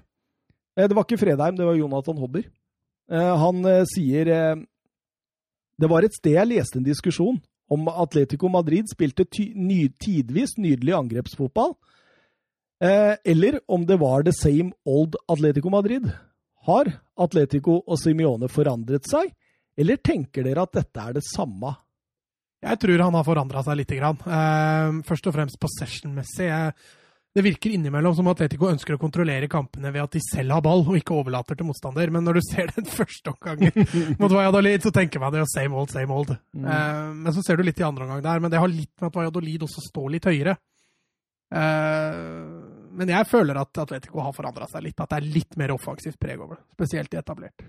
Vi har jo snakka om det før òg, at oi, der kom det noen kamper den virkelig liksom på en måte Ja, og når ting fungerer offensivt, så har de jo drøssevis av gode offensive spillere. Skriver du under på den, Søren? Ja, det gjør jeg. Da går vi til Cádiz, eh, Barcelona. Den har Mats gleda seg til. Ja, teller, teller ned. Hva skjedde? Spør du meg? Ja. da spør jeg deg. Nei, vet hva? Jeg, all kudos til Kadis for å ha gjort en strålende defensiv kamp. De tetter alle de viktige rommene. De ligger lavt, de ligger kompakt. Overlater alt av banespill til eh, Barcelona. Men fytti rakkeren, for et ræva! Det det er så lite kreativt. Få bevegelser, små bevegelser. Altså det, det, eneste, det var mønsteret, var jo at man fikk ballen foran de to rekkene der, 5-4-1. Eh, De står med null mellomrom, og så er det en eller annen eh, kan spille eh, Dest eller Alba som beveger på seg, og så må man slå på ham. Og så står han der og veit ikke helt hva han skal gjøre med ballen i boksen, må prøve å slå den inn, men da har jo Kades stort sett god kontroll. Ja, ja, utvilsomt. Og, og Servera der sier etter kampen at han var sjeleglad for at Dest ble bytta ut. Eller ja, sjeleglad, han var glad for at Dest ble bytta ut, for da hadde han én kantspiller mindre å forholde seg til, og Barca dytta én spiller til inn sentralt, hvor det allerede var pottetett. tett. så her gjør eh, Jeg syns Koman gjør en forferdelig dårlig kamp, og Koman var forbanna etter kampen. Ja, han, han, han var litt overraska, sa han, for nå har de hatt en god uke og sånt, og så plutselig så skjer dette igjen. Han skjønte Ja, han, ingenting. han syntes det var eh, ja, Hva var det han sa igjen? Han sa at det var dårlig Altså, de, ble, de gjorde ikke det de var enige om på forhånd. Eh, bevegelser og, og sånne ting, og mønstrene stemte ikke. og det er, jo, det er jo fryktelig flatt. Altså, En Messi som ikke får det til, skråstrek, er av. Eh, du har en Grismann som eh, som Hør han nevne Grismann og, og Messi før Braithwaite. ja, Braithwaite, han, han var ikke så mye dårligere enn alle de andre. Det kan jeg nevne. Coutinho er jo fortsatt helt natta ute på kanten der. eh, Og Minguesa da på den 1-0-skåringa der Jeg er forferdelig. Jeg jeg skjønner ikke hva han tenker på. Altså, Al- al- al- Det ser ut som han bare vil på'n. Altså, ja, det er nok en reaksjon. Altså, Ja. Det skjer automatisk. Det, det er jeg nok enig med deg i. Men som forsvarsspiller så har du jo blitt satt i de situasjonene der en del ganger før, har du ikke det? Jo. At du der bestemmer deg for å heade på eget mål. Jeg, Jeg, jeg, jeg syns også den 2-1-skåringa er litt sånn symptomatisk for Barca om dagen. Altså. Kaste et innkast bak i eget felt, midtstopperen bommer helt på ballen, Ter Stegen er på etterskudd i klareringa, ja. Det, Ja, det er ikke bare på etterskudd Ter Stegen er der, for hvorfor i alle dager går han ikke bare ned? nei, si Hvorfor det. skal han sparke Si den det. ut? Jeg veit ikke. Si og, det. og ta den i henda? Ja. Kan keepere ta den på innkast? Nei, det, det blir tilbakespill, tror jeg. Men han kan jo kaste seg inn i Han kan der. kaste seg ned. Ja, Istedenfor å prøve å klarere? Ja. Ja. Da bare, får han jo blokka. Ja. Så går han kanskje ut i en corner eller noe sånt nå. Istedenfor mæler han den ballen inn i Negredo der, og Negredo han, han gjør det flott etterpå, da. Ja, den lille finta der på de Jong er, er, er Det er klasse. det. Ser han har spilt fotball før. Men den, den der er 90 Lenglet, altså. ja, Ja, det er Jeg gir ikke Det er enig så mye til Ter Stegen. Og jeg gir mye til Jeg gir 70-30. Og det er såpass, ja. Ja, fordi eh, Ter Stegen også skal ta den. Han skal det. Han Ja, men- skal kunne eh, blokkere dem på et eller annet sett og vis. Det ser ut som Altså, jeg setter på det på kontoen som en litt sånn latskap. Litt sånn don't care. Altså, det er halvveis. Jeg snakka litt om Husker du den der blokkeringen til Brooks Ja, ja, som gikk i mål? Altså, det er litt det samme. Altså, det gjøres ikke 100% Ja, det er vanskelig å være uenig i det, eh, men, men jeg tror også Ter Stegen feilberegner litt. For jeg tror han, tror han kommer først på den ballen, mm. Og at han rekker det før Negredo. Hadde han sett tidligere at her kommer vi likt, så tror jeg kanskje han hadde vurdert det annerledes. 81% possession, da. Ja, og det var det høyeste siden uh, Guardiola hatt én gang høyere eller noe sånt. Så, jeg, så Ja, Husker du ikke Celtic-kampen, da? Jo, Kukiset igjen har hatt høyere én gang. Uh, så var de, de to som Barca har jo, de dominerer jo banen fullstendig. Men, men Cádiz syns det er helt greit. Og så lenge det er så lite kreativt, det Barcelona driver med, er ufarlig. Jeg husker den, Søren. Eh, Celtic Barcelona Champions League. Eh, Celtic vant 2-1. Jeg tror de hadde to skudd på mål, og Barca hadde 89 på possession. Jeg husker den der. altså Det var så vilt. Det var så vilt. Eh, Men Cádiz er dermed første nyopprykka lag på 2000-tallet som tar seks poeng i de to første matchene sine mot Real Madrid og Barcelona. Det er jo sterkt. Ja, jeg mener, husker jeg leste også at uh, de hadde også slått Atletic. Det har de gjort i år. uh, men at det da var det første laget som gjorde det siden 80-tallet. Ja. Nyopprykka, altså. ja, det er deilig. Det er deilig. Og det er sterkt. og Barcelona de har ikke åpna svakere siden 87-88-sesongen. Da ble det en sjetteplass. De har 14 poeng på 10 kamper, og dette, dette var perioden under Terry Venables og han der, hva heter han spanske landslagstreneren igjen? Aragones. Aragones, ja. Men de har altså Året før Cruyff. Til og med van Gall, da, den ræva sesongen til van Gall åpna Mm. dem bedre enn det de har gjort nå under Koman. Og nå begynner det Jeg har, ikke, jeg har vært skeptisk til Koman hele veien, men jeg har ikke vært så hardnakka. Men nå begynner det å brenne litt på dass. Disse to hengekampene nå til Barcelona altså dem, dem er plutselig blitt helt avgjørende hvis Barcelona skal være med å kjempe om Champions League for Atletico Madrid-toget. Det går. Det, det ruller. Ja, ja, det, Jeg tror ikke de klarer å ta det med. Nei, nei, nei. Eh, Søren, eh, har du hørt eh, toppskårerlista i Barcelona? Det er vel fire mål på Messi. Det er fire på Fati. Og så er det en til som har fire, ikke sant? Grismann? Nei da, nei da. Eh, Grismann har tre. Grismann har tre, ja. Men eh, han er likt med selvmål. Såpass, ja. så, Jeg så, får håpe Grismann får flere enn selvmål, da, for det, det er litt kjipt. Ah, Anders Hansen eh, spør oss på Twitter eh, vil vi se samme effekt når Messi blir lei seg og drar fra Barcelona neste år, som da Fergie dro fra United.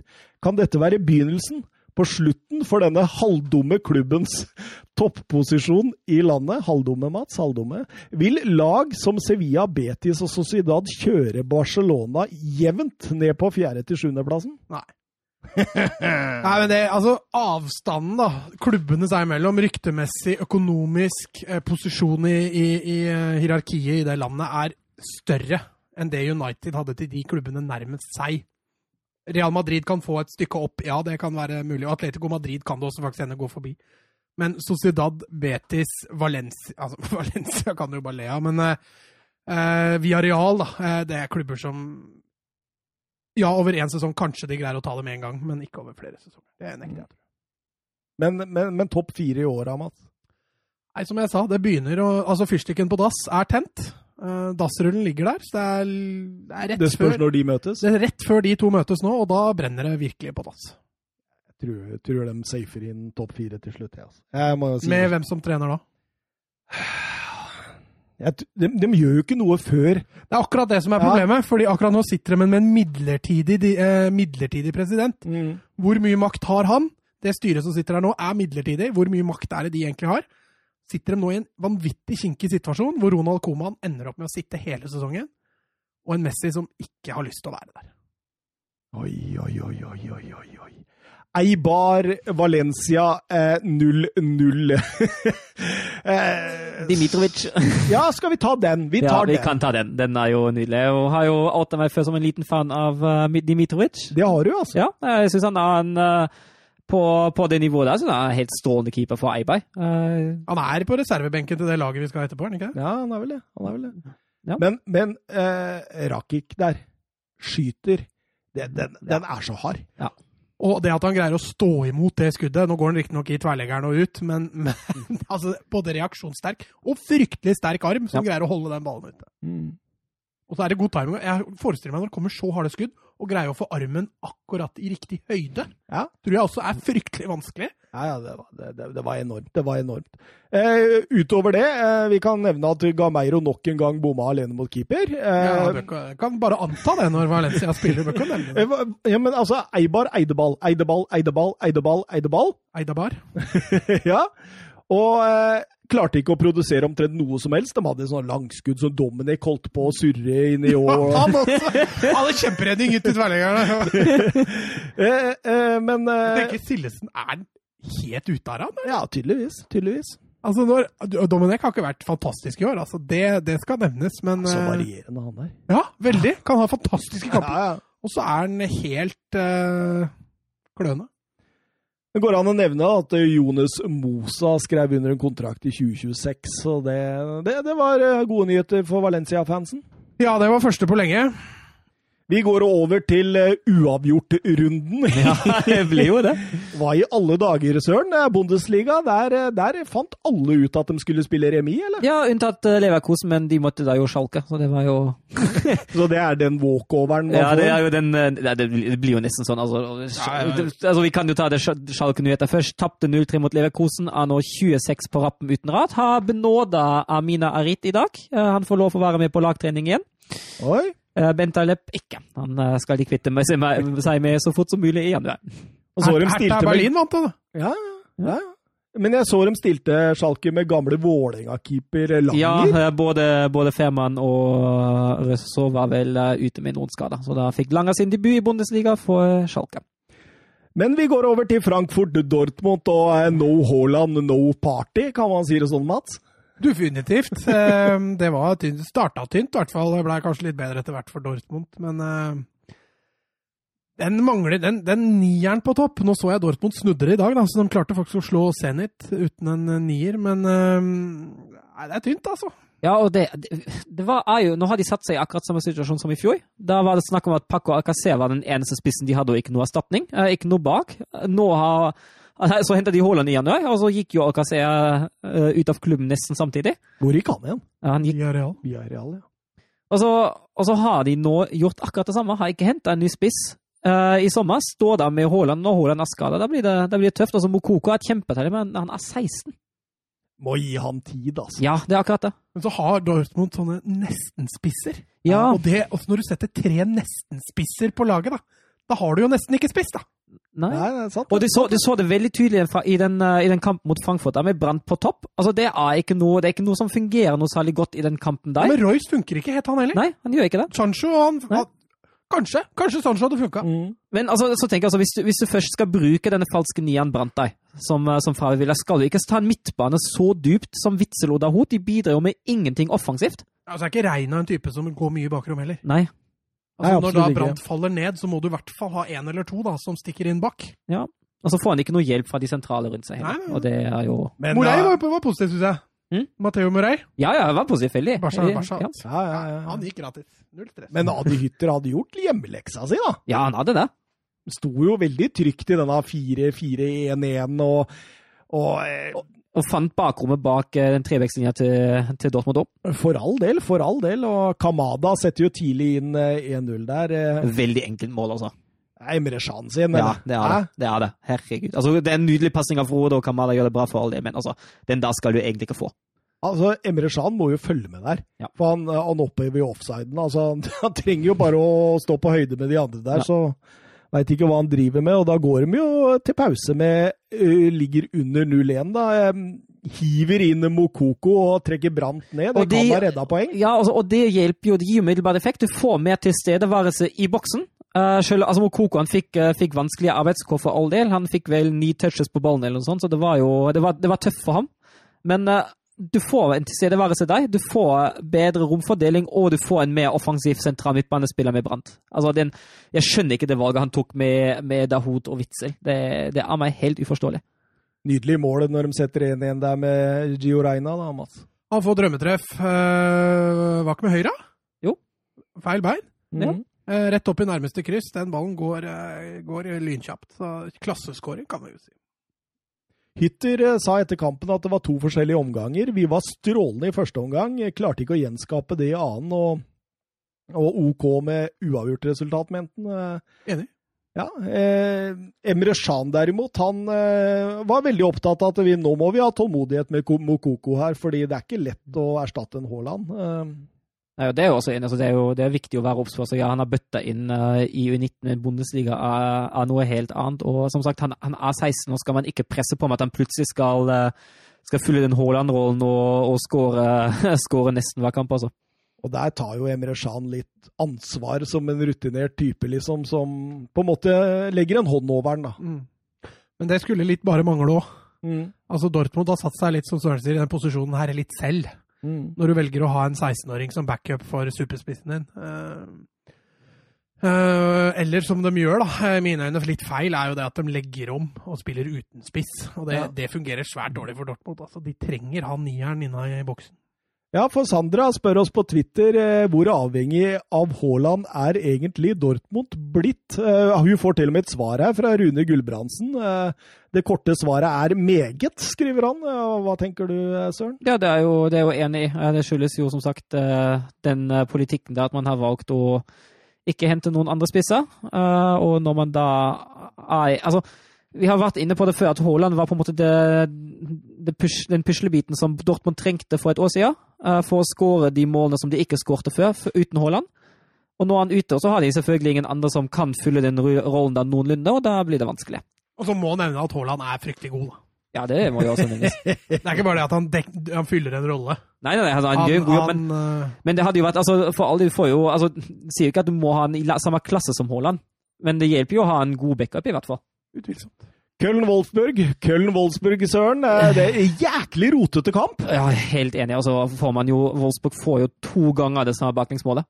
Ja, det, det var likt. Ja, det var helt likt. Altså Men, men, men jeg tenker her at det, altså, det var så rotete. Altså, det var sånn ah, Avstand mellom ledda Ja. på begge laga. Det var, det var masse langpasninger Ja, som ble slått i Når jeg ser. Wolfsburg, så heier jeg litt på Wolfsburg. på Ja, det, det, det, det gjør Det er jeg. Takk. Um, men allikevel her så satt jeg og følte meg litt snytt etter kampen. Jeg følte Wolfsburg fortjente det.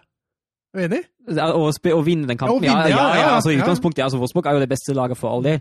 Men jeg er også enig i det Thomas sier. Altså, jeg, særlig i første omgang irriterte meg veldig på at det slås alltid langt. Det slås alltid langt i rommet bak eh, Eller prøves å slås alltid langt i rommet bak en eller annen bekk eh, hos Köln, eh, og så slutter det der. Og så prøver man å bare få ballen på en eller annen måte inn i boksen. og det, Mm. det, blir, det blir en del tilfeldig, altså. Perle frisparket til Arnold Ja, der, det var nydelig. på 1-1. Ja, Ja, det, Det er ikke så mye å si. Nei, det, har jo et brassesparkforsøk av Philip også litt tidligere, som reddes godt av foran. Stemmer, stemmer.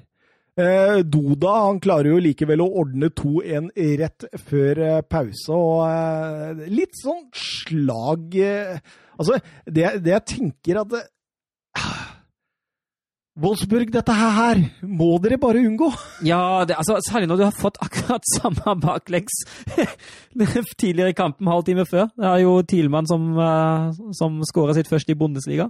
Skulle Vegårs tatt uh, frispark i forkant, eller han var rasende på dommeren der? Ja, altså, jeg skjønner, jeg skjønner, altså Det som irriterer meg, er ikke nødvendigvis at han ikke blåser frispark, men hvis du så situasjonen to minutter seinere, når Wolfsburg går framover, så er det duell igjen, og så går Köln-spilleren i bakken i akkurat samme situasjon, og da blåser han der. Han, mm. han, hadde ikke noe klar linje. Det irriterte meg litt. Den røde tråd, den røde tråd. Ja. tenkte jeg på med The North London Derby òg, at Granit Xhaka eh, fikk, fikk, lov å fullføre den kampen der, når du så det gule kortet f.eks. Lo Celso fikk. Så, så det, jeg, jeg, kjenner meg igjen, Søren. at det, Men den andre gule er ofte vanskeligere å gi, da. Ja, den sitter litt lenger inne. Ja, absolutt. Absolutt. Eh, men Vegårst han eh, ordner 2-2 rett etter pause, Søren? Ja, sju mål på sju kamper, og det var jo strålende angrep. Da funker det endelig. Vendes spiller godt ut, og så kommer et presist innlegg i boksen, og da er Virhosta og klinisk alene med keeper.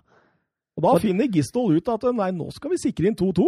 Legger seg ekstremt lavt. Ja, og altså, jeg, jeg, trodde jo da jeg så kampen altså, Det var 2-2. Jeg trodde jeg, ok, nå, nå, må det bare komme. Nå må vi bare ta, ta grep og vinne kampen og skåre et mål til. Og det kom jo flere sjanser. Eh, Köln ligger jo lavt. Wolfsburg styrer kampen og skaper noe, men uh, holder ikke helt inn. Og Verås sa etter kampen helt riktig at uh, hvis vi hadde vært et absolutt topplag, da hadde vi vunnet den her. Mm.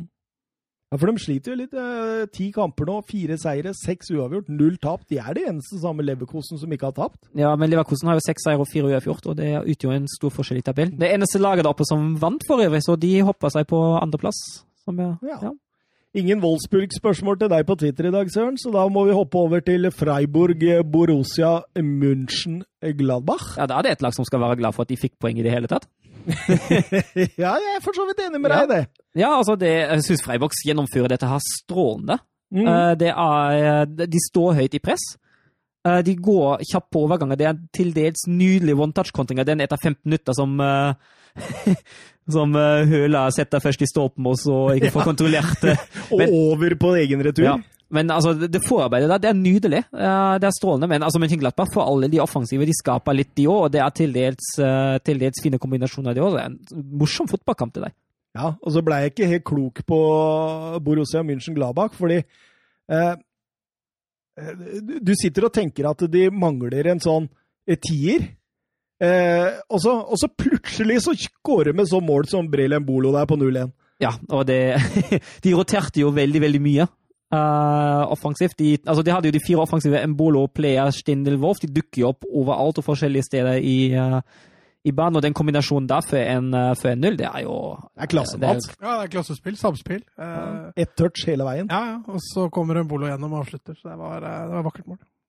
Men, eh, men, eh, Freiburg svarer vi, og svarer de, og Santa Marias eh, brassespark der, og nedtaket i forkant. Over, altså, ta ned den der, med ryggen til ballen, og så brassesparken foran mål. Det er, det er klasse. Det er Mangla bare at den gikk i mål, at ja. ikke Lienhardt uh, satt igjen der.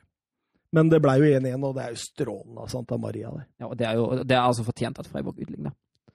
Ja, de eh, får en straffe rett etter pause, Søren. Eh. Ja, da er det Leima som uh, Høfla dribler jo, dribler jo nesten, uh, nesten hele Mönchenglappar-forsvaret før Leima legger den, og da blir det straffe Grif og setter den 2-1.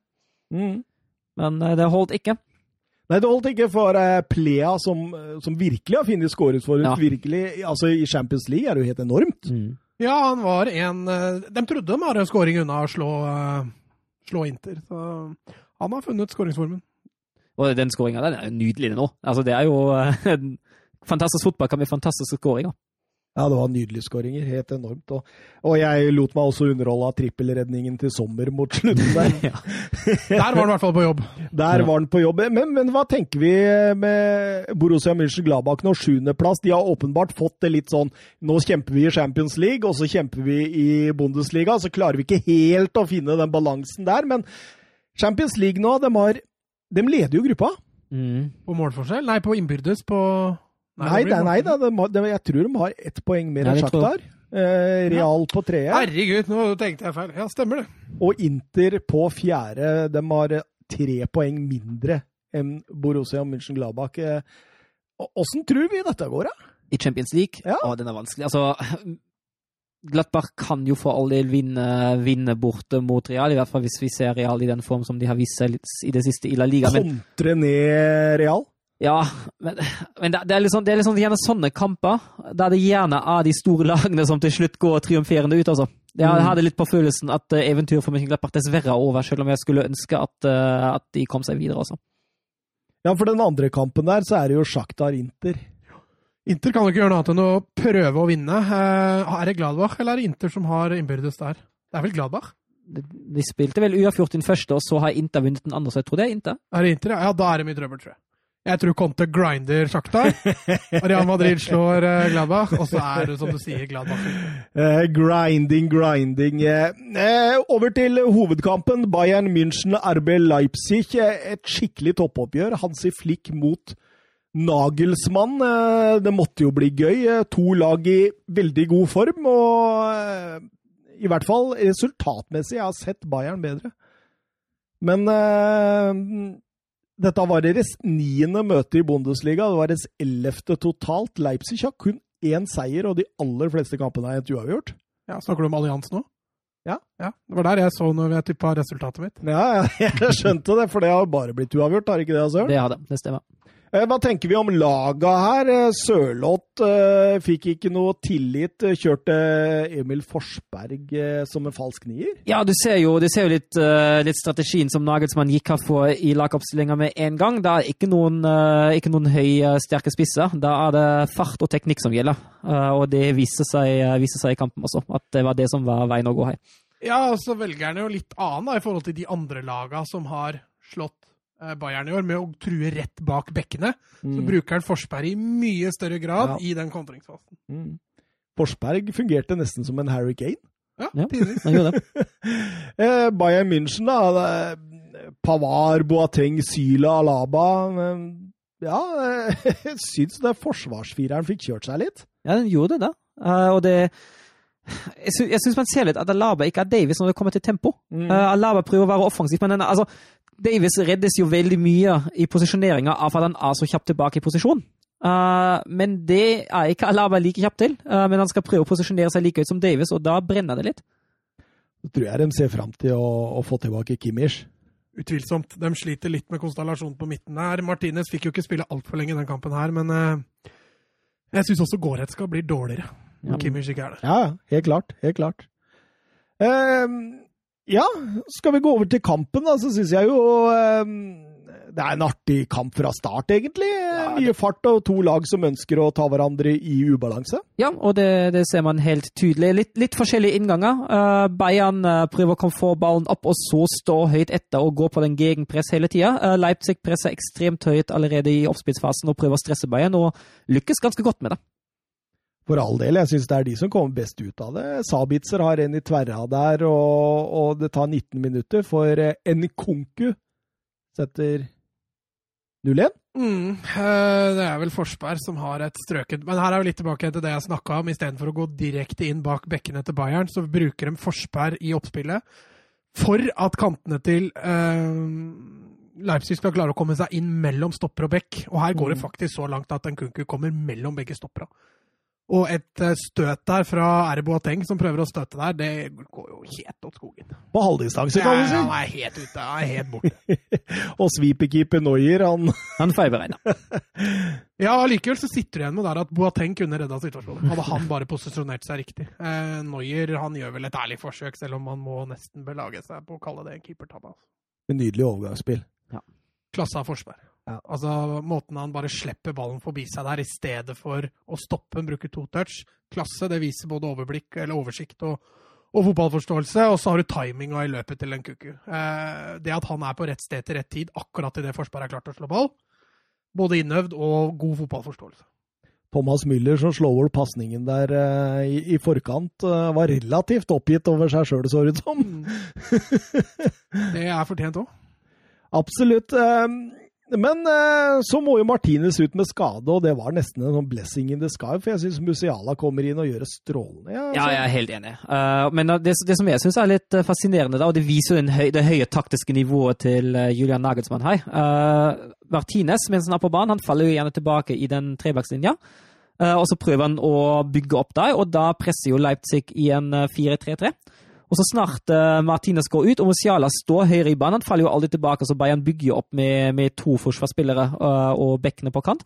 Så skifter Nagelsmann i en 4-2-2-2 mot ballen for å ha litt mer direkte press på ballfyren. og det, det er så strålende sett, det er så strålende gjennomført, det er, det er gøy å se. Men jeg er helt enig at Musiala han, han fikk offensivspillet til Bayern litt mer i gang. Klarer liksom å dra noen, det gjorde ikke Martinez i Nei, store men det er jo akkurat som Søren sier. Da. Altså, du får to forskjellige spillertyper, og jeg Ja. tror Flick vegra seg for det før kamp, når han så at eh, skal vi kjøre Musiala og Goretzka inn her, så, så blir det dårlig balanse på midtbanen. Men så når Martinez må ut, så ser han jo at det her funker jo ikke allikevel. Nei. Hvorfor ikke? Ja, hvorfor ikke prøve? Hvorfor ikke kjøre inn en offensiv? Ja, 17 år, altså. Stortalent. Uh, Han har valgt England, har han ikke det? Han er i hvert fall, han Ja, spiller i hvert fall U21, U-landslaget men det, det betyr jo at uh, han fortsatt kan uh, velge Tyskland.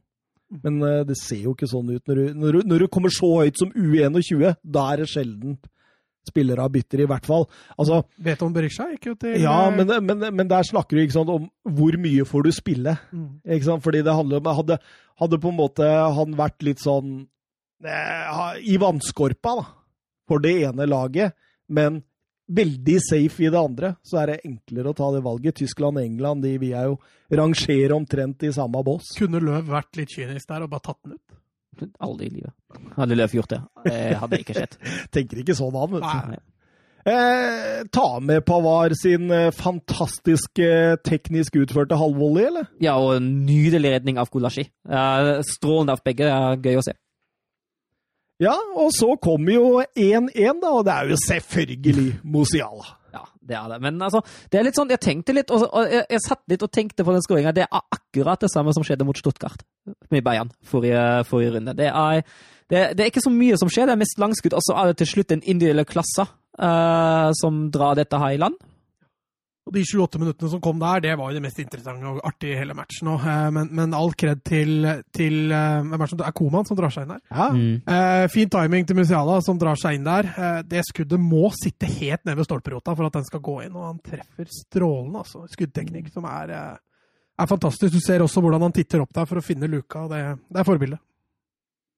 Og så tar det bare fem minutter, så setter Müller inn 2-1, og da er det snudd, søren. Ja, og det er jo nydelig fotball. Det er jo, det er jo herlig. Lewandowski som, eh, som faller i det rommet bak. Uh, Sendt det videre til Komar, og så går jo, uh, går jo Pamicano ut og støter, og det mislykkes i ca. like stor grad som det gjorde med Boateng tidligere. Og da trilles han gjennom til, til Mulla, og han setter han enkelt én mot én mot All, Gulashi. all kred til Lewandowski der, altså. Det at han på seg ja, ja. ikke velger å slå veggen, men heller vende opp, få på seg presset og slippe den perfekte Koman. Fantastisk. Legger du merke til at jeg sier Koman? Ja, ja, Jeg det- sier det norskt. Ja, ja. Ja, Du er ikke, du er ikke komma? her på Strømmen er vi ikke internasjonale. nei, nei, nei, nei. Men det, det var jo en morsom periode her, da. Det tar jo, altså, de går jo rett opp omtrent og skårer eh, Leipzig der til 2-2. Ja, og der er det vel bare å trekke fram Haidara som eh, den touchen han har der. For det, for det er en spiller, eh, godeste Justin Cloyford, som jeg eh, absolutt ikke har tro på Nei, du har avskilta han for lenge siden. i internasjonal eh, toppfotball, som setter den i lengste. Får jo en ganske grei skuring, da. Altså, Første touchen hans er klasse, og avslutninga alle er jo klasse. Han banker den jo ned i hjørnet der. Eh, Så skrått på Noyer, så er det jo Det er ikke lett å sette den. Altså. Men igjen, eh, det øyeblikket eh, Jeg syns når det gjelder det taktiske på banen her eh, Leipzig starter jo ikke sånn superhøyt med bekkene sine. Jeg har sett eh, særlig Angelino mye høyere, mye høyere på banen. Så snart Bayern går opp 2-1 i ledelsen, går bekkene opp med én gang. Nagelsmann reagerer med én gang og blir mer offensiv og fyrer bekkene fram. Absolutt, absolutt. Og, og etter 2-2 så roer det seg litt, akkurat som nå, nå ser vi ut til pause. Ja, nå tar vi det med ro. Ja. Dette, nå gikk det litt fort her. Begge lag eh, tenker det. Eh, Men det, altså det Leipzig gjør jo i form av litt taktiske grep. Hos Bayern tror jeg det sitter litt mentalt. At de fikk den smellen med en gang. Ja. Eh, gjorde nok at de slapp seg ned lite grann. Eh, men eh, som sagt, de siste fem minuttene er vel kanskje noe av det kjedeligste i hele matchen. Og ut i annen omgang så fosser RB Leipzig ut av startsblokkene. Ja, og de starter klart best. Og så er det jo er det sånn litt sånn utypisk mål de skårer, for det er en lang kombinasjon. Det er ikke noe overgang. Det, det er et herlig kombinasjonsspill fram. To vendinger uh, ut mot Angelino som slår inn innlegg mot Forsbekk, og hva Boateng driver med da, det det veit jeg ikke sjøl. Ja, altså, det, er, det er følgefeil òg, for Jo. Pavar ligger jo altfor langt inn Ja. og får lang vei ut. Men, men også at alarmen ikke går å syle, det kan du også begynne å lure Mm. på. Når du ser Boateng ligger feil, da må du jo bare følge, Ja. da! Da må du også ligge feil, da, for å rette opp feilen hans. Eh, Forsberg får jo maks ut av den situasjonen. Absolutt. Er En nydelig sånn eh, Leipzig-periode. Altså, det, det varierer så godt, presset. og De står enten høyt for å vinne ball kjapt, eller så går de helt tilbake igjen i, i, på en måte nærmest i en sånn Du kan kalle det en sekk, hvor de bare prøver å fange ballen og kjøre overganger. Og, og jeg syns eh, Bayern sliter litt i starten på annen omgang, før det begynner å, å rulle igjen. Ja, men det blir jo litt, eh, litt, litt som Leipzig, og fordi Leipzig slipper seg veldig etter sånn 60-65. Eh, Da Men jeg mener også der Nagelsmann skulle drøyd med de byttene. Ja, Mm. Hvorfor tok han ut Nei, for- eh, Forsberg? Ja, det han- også stussa ja. han, eh, han sa etter kampen at han hadde, hadde den kampen mot United på tirsdag å tenke på, og han kunne ikke styre den Bayern-kampen som han sjøl ønsket, fordi han må også satse på den Champions League-kampen. Ja, for han bytter jo eh, etter hvert eh, inn Paulsen og Sørloth, Ja, og, og- kjører en slags 4-5-1. Ja, det blir jo det. Paulsen på, Poulsen på venstrekant, uh, Sørloth på topp. Eh, men eh, ja, det blir jo Han sier han må, han må rullere ganske kraftig pga. den Champions League-kampen for å ha alle spillere i best mulig forfatning til den nå. Å, nå gleder jeg meg hjem og se på den, faktisk. Ja. uh, ja, og, og jeg syns jo kanskje dette trekket gjør at det blir 3-3. Ja, det blir jo det. Ja, jeg er for så vidt helt enig. Leipzig med en defensiv tilnærming nå veldig. De ligger veldig lavt, og så gjør de også de byttene. Eh, tar jo også ut Sabitzer. Kanskje også det er litt av grunnen til at dette ikke går, men uh, med tanke på kampen som kommer, så, så må kanskje kanskje gjøre en overveining. Skal vi slå Bayern på allians, eller skal vi prøve å gå videre i Champions League? Og det, jeg skjønner at det er et veldig kjipt valg å ta. Jeg sa jo når du leder 3-2, fortsatt har muligheten til å kanskje parkere litt og få, til, få deg de tre poeng likevel. Ja, Men- men, da, men- da trenger du Sabitzer på banen, Ja, og Haidara og og Ja. spilt jo en veldig god kamp. Og, Men eksperimenterer Nagelsmann for mye i annen omgang? Fordi, altså al- al- Det er åpenbart at han ikke at Etter Thomas Müller gjør 3-3, så er han ikke så Du skjønner at han ikke er fornøyd med presspillet. Og, og det er en periode der de nærmest kjører seks midtbanespillere. Altså, det, det, jeg, jeg kom fram til Det blir en slags 3-6-1 Ja, det blir, det blir noe sånt, ja. etter at uh, han uh, Orban kommer Ja, inn. vet du. ja da, blir det, da blir det treveksling, ja. Det stemmer, det. Men uh, ja, du, du kan jo lure litt på det om han gjør det.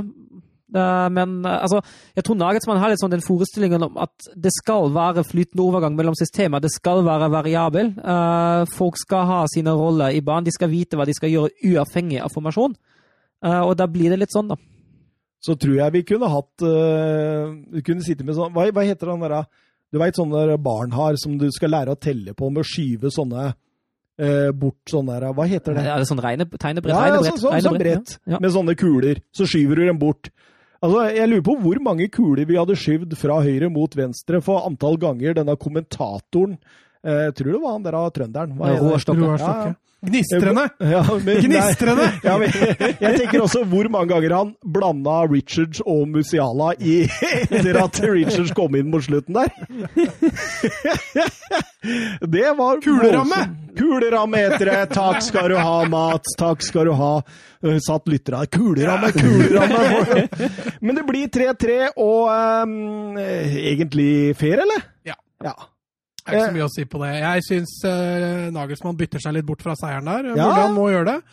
Uh, Bayern, litt skuffende kamp av de også. Møter riktignok kanskje den beste taktikeren i verden i, i eh, Nagelsmann, så han veit jo hva han driver med. Men uh, to lag som jeg tror sitter og er litt skuffa etter kampen. Ja, eller litt fornøyd med at det ikke ble tapt. ja Enten eller. Og med Bayern tror jeg aldri er fornøyd med uavgjort. Nei, men uh, Müller, gikk jo vel Müller, tror jeg, og sa etter kampen at det var egentlig helt greit at det ble uavgjort. Og han skal vel ha, Noia skal vel ha spurt Müller underveis på banen når det står 3-3. Er du sikker på at vi skal gå full risiko i den kampen her nå, eller?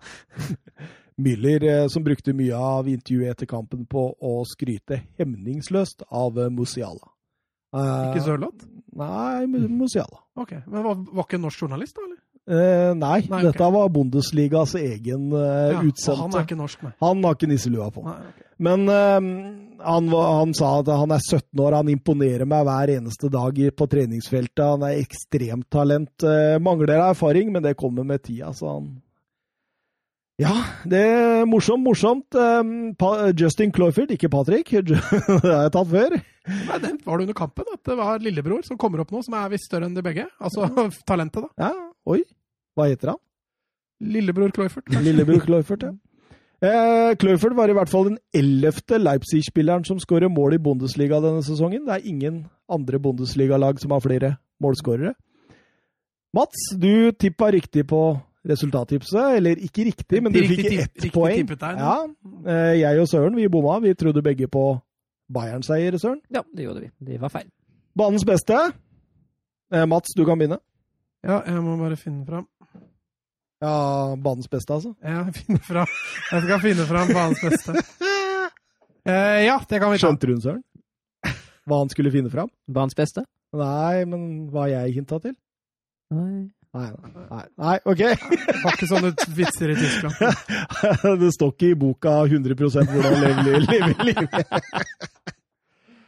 Eh, nei, jeg, har, jeg sleit jo litt med å få litt forskjell på dem, da, for det var mange OK gode prestasjoner der. Eh, så det var litt trøbbel. Men jeg lander på, på Forsberg. Den første gangen han har, er, er strålende, og han eh, driver dette Leipzig-laget framover så det synger etter.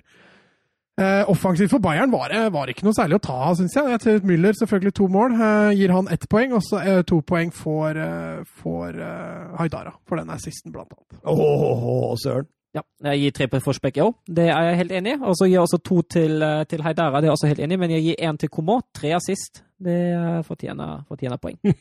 ja. Er det mer verdt enn to mål? Det kommer jo litt an på, men jeg syns ja, men det, det, var litt med Jeg har den på tre, skjønner du. Koma? Ja. Eller Koman? Eh, Koma. Men, altså, men altså, jeg veit ikke om det er mer verdt, men jeg syns de assistene han har, er vanskeligere enn de to målene Mulle har. Så, så står han jo for så mye av det Bayern har.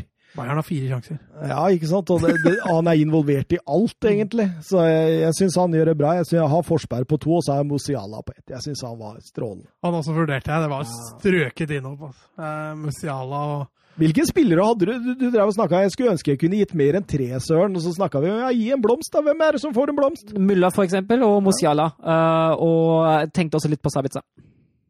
Glenn Weber, hva er dommen i den taktiske duellen Flick-Nagelsmann, spør han.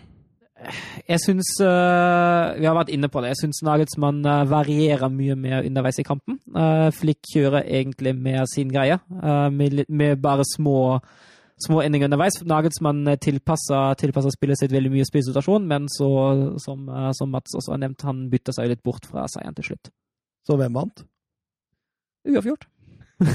Jeg, jeg, jeg syns uh, Nagelsmann vinner, jeg. Jeg synes han Selv om han selvfølgelig bytter seg bort, så, så, gir han jo uttrykk for at det ikke har så mye med kampen å gjøre. Uh, annet enn at han vil spare Er ikke det lett å si etterpå når de har tapt to poeng? Da? Jo, men det er lettere å erkjenne tapet da. Det kan jeg være enig i. Men uh, jeg tror også det at han så det samme, at vi må spare spillere. Men hvis du tar fram til 60, da, så kan vi jo ja, godt da, si at Nagelsmann, Nagelsmann er, definitivt. er Og det at han kommer fra allians med ett poeng, mm. er jo også en, er jo en liten seier. Absolutt, absolutt. Uh, Jørn Henland spør uh, hvor lenge tror dere Alexander Nybel sitter på benken i Bayern før han blir solgt, eller krever å bli solgt? Uh, mener dere han gjorde det rett med å dra til Bayern før denne sesongen? Og det betyr at Jørn Henland er en av våre nye lyttere, for vi Når dette ble klart, så slakta vi jo det egentlig, den overgangen. Ja. Ja, dette husker jeg vi snakka om uh, før jul i fjor, var det ikke da? Nei, rett etter jul. Rett etter jul, det var, det var ganske tidlig at det ble klart, og så fikk jo Nubel en horrå halvsesong med Schalke. Mm. Uh, var vel en av de som var gladest for at supporterne ikke lenger var tillatt etter hvert. Mm. Nei, vi slakta jo den overgangen da. Og det, ja. det er ikke noe grunn til å, å, å, endre på det nå. Det var tullete av Nybel når Noyer valgte å forlenge kontrakta. Så er det jo er en dust overgang å ta. Men, men, men valgte ikke Noyer å forlenge kontrakta etter at Nybel var klar? Jo, men de var allerede i samtale, da. Ja, ja men, men, det er feilskjær, og han burde komme seg ut, i hvert fall på lån. Ja, minimum. Uh, nå sitter Bayern der med to av Tysklands beste keepere. Uh, det er jo bortkasta talent. Selv om man selvfølgelig forstår jo Bayern, da. Geir Halvor Kleiva. Uh, når, eh, nå når eh, RB Leipzig eh, klarer å holde tritt med Bayern, og det kanskje blir en kamp om ligatittelen i Tyskland også, hvilken liga tror du det blir størst gap mellom første og andre på tabellen? Av de fire store, altså. Tenk litt før dere svarer Ja, hvis, Real Madrid, hvis Real Madrid og Barcelona fortsetter som de gjør nå, da blir de jo Og Atletico Madrid fortsetter også som de gjør nå, da blir det jo da blir det liga. da blir La Liga. Ja, men Samme kan du si om Milan og Juventus. Jo da. Mm. Hvis Juventus fortsetter og Milan fortsetter, så blir jo det også gapet ganske svært etter hvert. Men jeg, Ja, ja, ja. ja. Men, men, men alle ligaene nå, så syns jeg det på en måte er Jeg skjønner spørsmålet til Geir Halvor her, Ja. for det er ikke noe lett å peke Nei. ut noe sånn. Altså, jeg, jeg, tror, jeg tror ikke det blir Premier League, det er jeg ganske sikker på. Det ser ut til å bli, eh, bli en, uh, bli en jevn kamp der. Å, jeg holdt, jeg holdt på å, få, å foreslå Premier League nå. Å, gjør du det? Men da Tottenham drar ifra. Det er Liverpool. Og Liverpool. Mm. Du? Nei, det er Chelsea Nei da, nei, da, nei det, jeg, jeg trekker det tilbake, for jeg tenker det at ok, Liverpool er gode nå. De har, de har gjort dette her perfekt i forhold til å miste de de har gjort, men jeg tror ringevirkningen av dette utover sesongen da, Mm. eh, vil merkes. Så nei, ikke Premier League. Ja, den er vanskelig, altså. Den er Den er, vanskelig. den er jeg- tøff. Den er tøff. Jeg tror faktisk jeg går, jeg, for uh, Nei, det blir La Liga eller Bundesliga. Mm. At de, det blir litt som i fjor, at Bayern drar ifra etter hvert. Du tror at eh, lag begynner å nærme seg Milan nå? De leder med fem poeng. Ja, altså Milan, altså det, Serie A er vanskelig òg, vet du. Gå på vannet nå, Milan, da, mens eh, Juventus er litt shaky. Eh, Inter begynner å se litt bedre. Ja, det var ikke noe god kamp nå sist, men Ja, altså Atletico de går jo på vannet, dem òg. Det, er- det er vanskelig. nei, jeg tar Ah. faktisk og tipper på Bundesliga. Da holder jeg imot og sier La Liga, ja. gratulerer, Kleiva. Du satt meg helt eh, på si, si, sidelinja her. Men du må jo svare. Ja, OK, jeg, Si jeg skal svare. Å, Bundesliga. Jeg tror eh, til slutt at Bayern-maskineriet drar litt ifra. Altså. Det kan, eh, det kan selvfølgelig fort hende. Åh, Juventus Torino, vi må litt bortom en Derby della Mole, eller Derby Torino om du vil. Ehm, eh, Ja, jeg er ikke veldig imponert over Juventus, altså. Nei, I hvert fall ikke første omgang. Den var svak. Den var fryktelig svak, altså. Altså, altså Torino skårer jo tidlig eh, 0-1 der etter corner en Nkolo. altså. og så er jo Sasa ekstremt nærme 2-0 òg. Og da, da lurer jeg, da, da, da veit jeg ikke om Juventus hadde kommet tilbake, Søren. Nei, at, altså, det, de vinner jo til slutt på at de, de skårer to ganger det samme mål, de òg. Ja, absolutt. De gjør jo det, og det er jo, det er jo Altså, den der vinner de til slutt på at de, at de pøser på og vil. Eh, det er ren vilje som sørger for at de vinner til slutt. At de har den tilstedeværelsen i boksen, at de, at de kjemper om de ballene der til slutt. Men det er, det er en sliteseier til de grader, det der. Ja, ja absolutt. Og, og Pirlo snakka om det etter kampen også, at eh, det, han var nesten sjokkert å se Juventus i første omgang. For han kunne ikke kjenne igjen DNA-et til, eh, til Juventus der i et uh, derby. Men i annen omgang så mente han i hvert fall at de, de viste at de ville. Mm. Uh, Weston McKennie der som setter 1-1 tolv minutter før slutt der. uh, ingen som plukker han opp på det innlegget fra Codrado. Nei, det er ikke bare ham. Det er jo fire stykker som står alene på mål. De står jo på rekke og rad for å skåre. Ja, ja. Og da blir McKenny McKennie den tredje amerikaneren som skårer i Serie A. Vet, kan dere nevne de to andre? Amerikaner? ja. Kan du, kan du hinte litt, da? ja, ja, ja. Det kan jeg gjøre.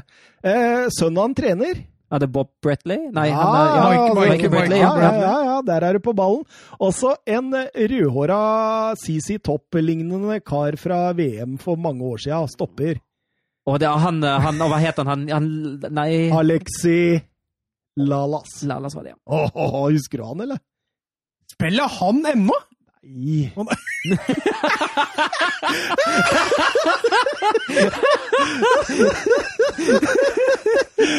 Der så du oppriktig overraska ut!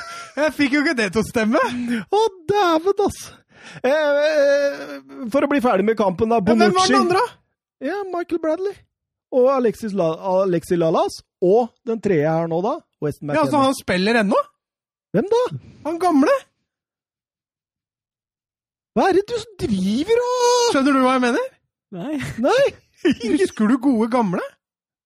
Oi, ok, greit. Ja. Gi meg. Du har sikkert ja, men hør nå. gammel, er han, da? Skal jeg si det en gang til? Her, dermed blir han den tredje amerikaneren gjennom tidene som scorer i Serie A! gjennom tidene, ja. Greit, da er jeg med. Jeg trodde det var denne sesongen. Jeg skjønner. Alexis Lalas! Han er det villeste jeg har hørt! Hvor gammel er han nå? Han var rundt 30 i 1994 Ja, noe sånt, ja. Han var Det vel var født på derfor jeg 60-tallet. blei så overraska, da! Jeg tenkte han har scora nå! Han må nærme seg 60 år, da. Det måtte jo vært for Juventus, da, sin Gamle dame. Ja, og det, det, det er jo en eh, alder der som Nei, Bonucci! Det er det villeste! Det blikket du ga meg! Ja, men det var ikke så rart da. jeg mis- han nå! Du skjønner jo da at jeg ble overraska.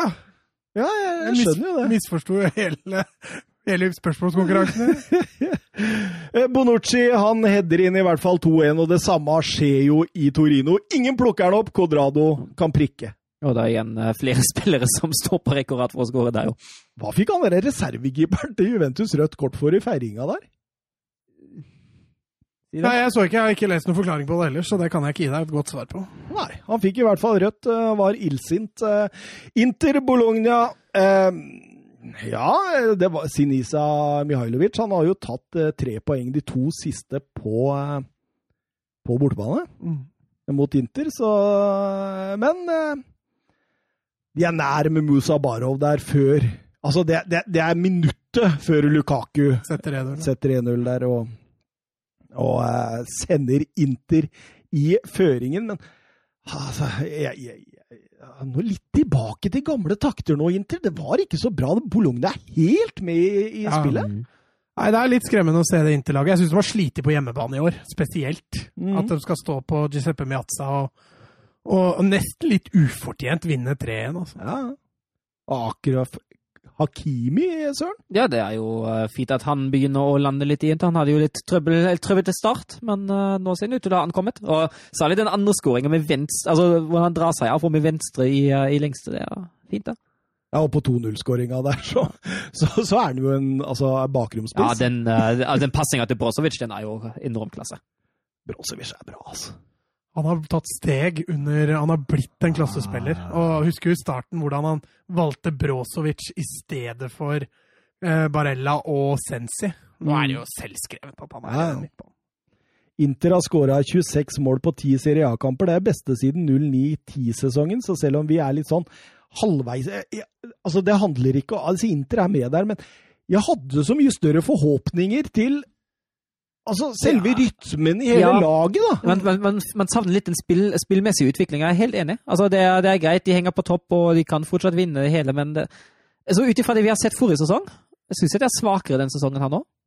Så syns jeg de nesten har sett bedre ut når Altså, det er litt rart å si det, for Lukaku skårer og skårer og skårer og skårer. skårer. Men de kampene jeg har sett Lukaku har vært uten, og de har Mm. kjørt Alexis Sanchez sammen med Lautaro Martinez, ser nesten litt bedre ut. Det er litt rart, altså. Jeg skjønner ikke helt den, men eh, Og så kan vi ta med Sampdoria AC Milan eh, Torsby, som har blitt en viktig del i laget til Ranieri nå. En Jens Petter Hauge som satt på benken, men kom jo inn og, og viser muskler. Ja, det var bra det var noen norske medier på tribunen der, så vi fikk litt overskrifter. Hvordan han var tredd sist og hadde et blikk ingen andre har. Og... men, eh, men det skal faktisk ikke ta fra han noe der. For det er, Nei, det er det er en god bra. prestasjon av Jens Petter Hauge når han setter opp, eh, setter opp Brahim Diaz, er det det? Eh, som slår inn til eh, Ikke Brahim Diaz, vel, for hva han har bytta ut Det var vel? Rebic, tror jeg. Rebic. Re ja, Rebic Nei, det var Castiejo som skåra, stemmer det. Stemmer. Mm. Eh, som slår han ut til Castillo der, og da 2-1. Nei, 2-0 var det vel da. Så mm, det var en god prestasjon av Hauge. Hva syns dere om å straffe 1-0 der? Ja, det er litt sånn, Jeg tenkte litt på den, den Tottenham fikk eh, mot Newcastle, eh, Eric Dyer. Jeg tenkte det var en sånn samme situasjon. Jeg syns den er hard, altså. Den er hard. Men uh, fair enough. Ja, fair enough. Det er jo sånn det er blitt. Så Jeg syns generelt uh, Milan er litt heldig å vinne den her, altså. er det Italias svar på Manchester United? Nei, for Milan, Nei. altså. altså. De har jo sine utfordringer. Pioli har vært ute over en stund, og de har ledes av tre- treneren, ikke assistenttreneren engang. Du har Zlatan som Det var først covid, og nå er det vel muskelskade. Det, du, du har hatt en del skader, og Kjær var vel ute nå òg. Ja. Stemmer. Så det, det, det, likevel så vinner de altså 30 strake kamper i Serie A med mål nå, og kun starta bedre i 54-55-sesongen, så det er jo en enorm flyt. ja, det er det. Og så sikra de, ja, sikra de seg vel også avansement i Europaligaen forrige uke, så Og det er vel sånne kamper du må vinne hvis du til slutt har lyst til å vinne tittel òg. Nå begynner vi å gå mot slutten, men vi har fått noen artige øvelser på Twitter her. Og vi kan begynne med Sander Midtstuen. Han skriver eh, snart eh, kan jo klubber snakke uhindret med Messi, Vinaldum osv. Da pga. at kontrakta går ut. Lag gjerne et lag over spillere som kan gå gratis til sommeren. Og da Altså, vi gir jo lytterne våre det de vil ha. Ja. Ja, det er viktig, det. det er, men så er det litt gøy òg, for det er ting vi ofte ikke kommer på. Så det er bare fint, det. Ja, ja, ja. Så da, så da gikk, vi, gikk vi til den oppgaven. Og vi, vi, vi, begynner jo som vanlig med keeper, og vi setter det alltid opp i 4-4-2 fordi vi er tradisjonelle, Søren. Ja, og fordi det er lettest å finne, finne folk i 4-4-2, selv om vi har slet litt på noen posisjoner her nå, men uh... Ja. Men, uh, men, men, men, dette er jo potensielle gratisspillere mm. til sommeren. Så, så jeg, jeg har sittet og tenkt på OK. Er, la, la, oss si det var en sånn slags sånn der, ah, Hva heter det i USA når du driver på med Draft. hockey? Sånn drafting? drafting ja. ja, Skulle drafte et nytt lag her nå. Mm. Gratisspillere. Begynner vi med keepere. Ja, Da er det jo vår gode venn eh, Dimitrovic som har vært inne på, som eh, er en av, en av kandidatene, men han blir nok slått uh, av Han blir reservekeeper. Han blir reservekeeper. Uh, det er en annen en som, uh, ja, som jeg har Er det en som blinker seg ut, Søren? Ja, det er det. Det er Donna Roma. Donna Roma, altså. Kan gå gratis. Det var ikke så mange år siden når de kasta penger etter Milan-fansen. Mm. Han signerte ny kontrakt da. Det blir spennende å se hva han gjør nå. Fortsatt veldig ung. Chelsea, eller? Chelsea? 21 år. Svei jo akkurat Chelsea 400 mil på Mendy. Ja, men nå blir den jo ganske mye billigere, da. Jo, jo. Det Kosta Mendy 400 millioner? Gjorde ikke 300 eller noe sånt? Nei, nei, nei, nei. Han var, var jo på billigsalg. Oh, ja. Jeg, altså, jeg skal ikke si dette sikkert, men at det var noe særlig mer enn 15 millioner pund, 16-17 millioner pund, det er jeg ganske sikker på. Ikke. Okay, okay. Det er mulig jeg husker feil. Men uansett, altså, har du nesten brukt en milliard på keepere da, siste tre åra. ja, på grunn av han der andre kåla? Ja, ja. Men, mm. Og så ender de opp med å hente Donnarama gratis. Det hadde jo vært spesielt. Ja, men eh, Vaklik, han er vel Han er også Ja, nei, vi setter han i hvert fall som nummer tre, om ja. ikke fem. Ja. Vi tar Donnaroma. Donnaroma. Høyrebekk, eh, Mats, du kan jo begynne. Har du funnet noen, eller? Altså, jeg har jo Kan ikke begynne på venstre, da? Jo, hvis du vil. For der har jeg satt inn eh, Juan Bernat. Uh, PSG? Ja. Mm. Uh, egentlig blinker seg litt ut på den venstre venstrebekken. Ikke så mye dyktige venstrebekker som jeg fant her. Søren, er du enig, eller? Nei, altså Gitt at du bytter Alaba inn på stopperne? Ja, jeg, jeg, har fant så mange andre stoppere, så jeg valgte å ta Alaba på venstrebekk, ja. Å, du gjorde det? Ja, ja, for det er jo en vurdering. Ja, fordi og, jeg fant, altså på stoppeplassene fant Ramos, Erik Asia og Boateng. Så, det er masse stoppere, så, så, jeg er helt enig i den. Det, fordi det har jeg også skrevet der. Jeg har du kan hente en Ryan Burton, du kan hente en Danny Rose og Patrick van Alholt. Det er jo spillere som har levert god Premier League-klasse, men, men, for å få konstellasjonen opp her, Mats mm. Nei, jeg legger meg. Det er ja, greit. Alaba venstre. Eh, høyrebekk, da. Det, Mats sliter med høyrebekken. Nei, Nei, altså, jeg har Hysai, eh, ja. men det er det eneste jeg har trukket fram. Napoli-bekken? Napoli ja, jeg tenkte på ham, jeg òg, så tenkte jeg vi kan jo bytte ut enda en stopper. Ja, men, altså, den kan du dytte Ramos ut på bekken. ja, Ramos eller til og med Boateng eh, kan dytte ut en av de to. Du skal ha en Boateng på dette laget, altså? Ja, hvorfor ikke? Han har jo prestert, uh, prestert bra for Bayern i Bundesliga og Champions League. Ja, men på en høyrebekk ville jeg aldri turt å sette. han, eh, han spilte høyrebekk tidligere. Kan ja, det stemmer, men da var han eh, litt raskere. Ja, det er helt riktig, det.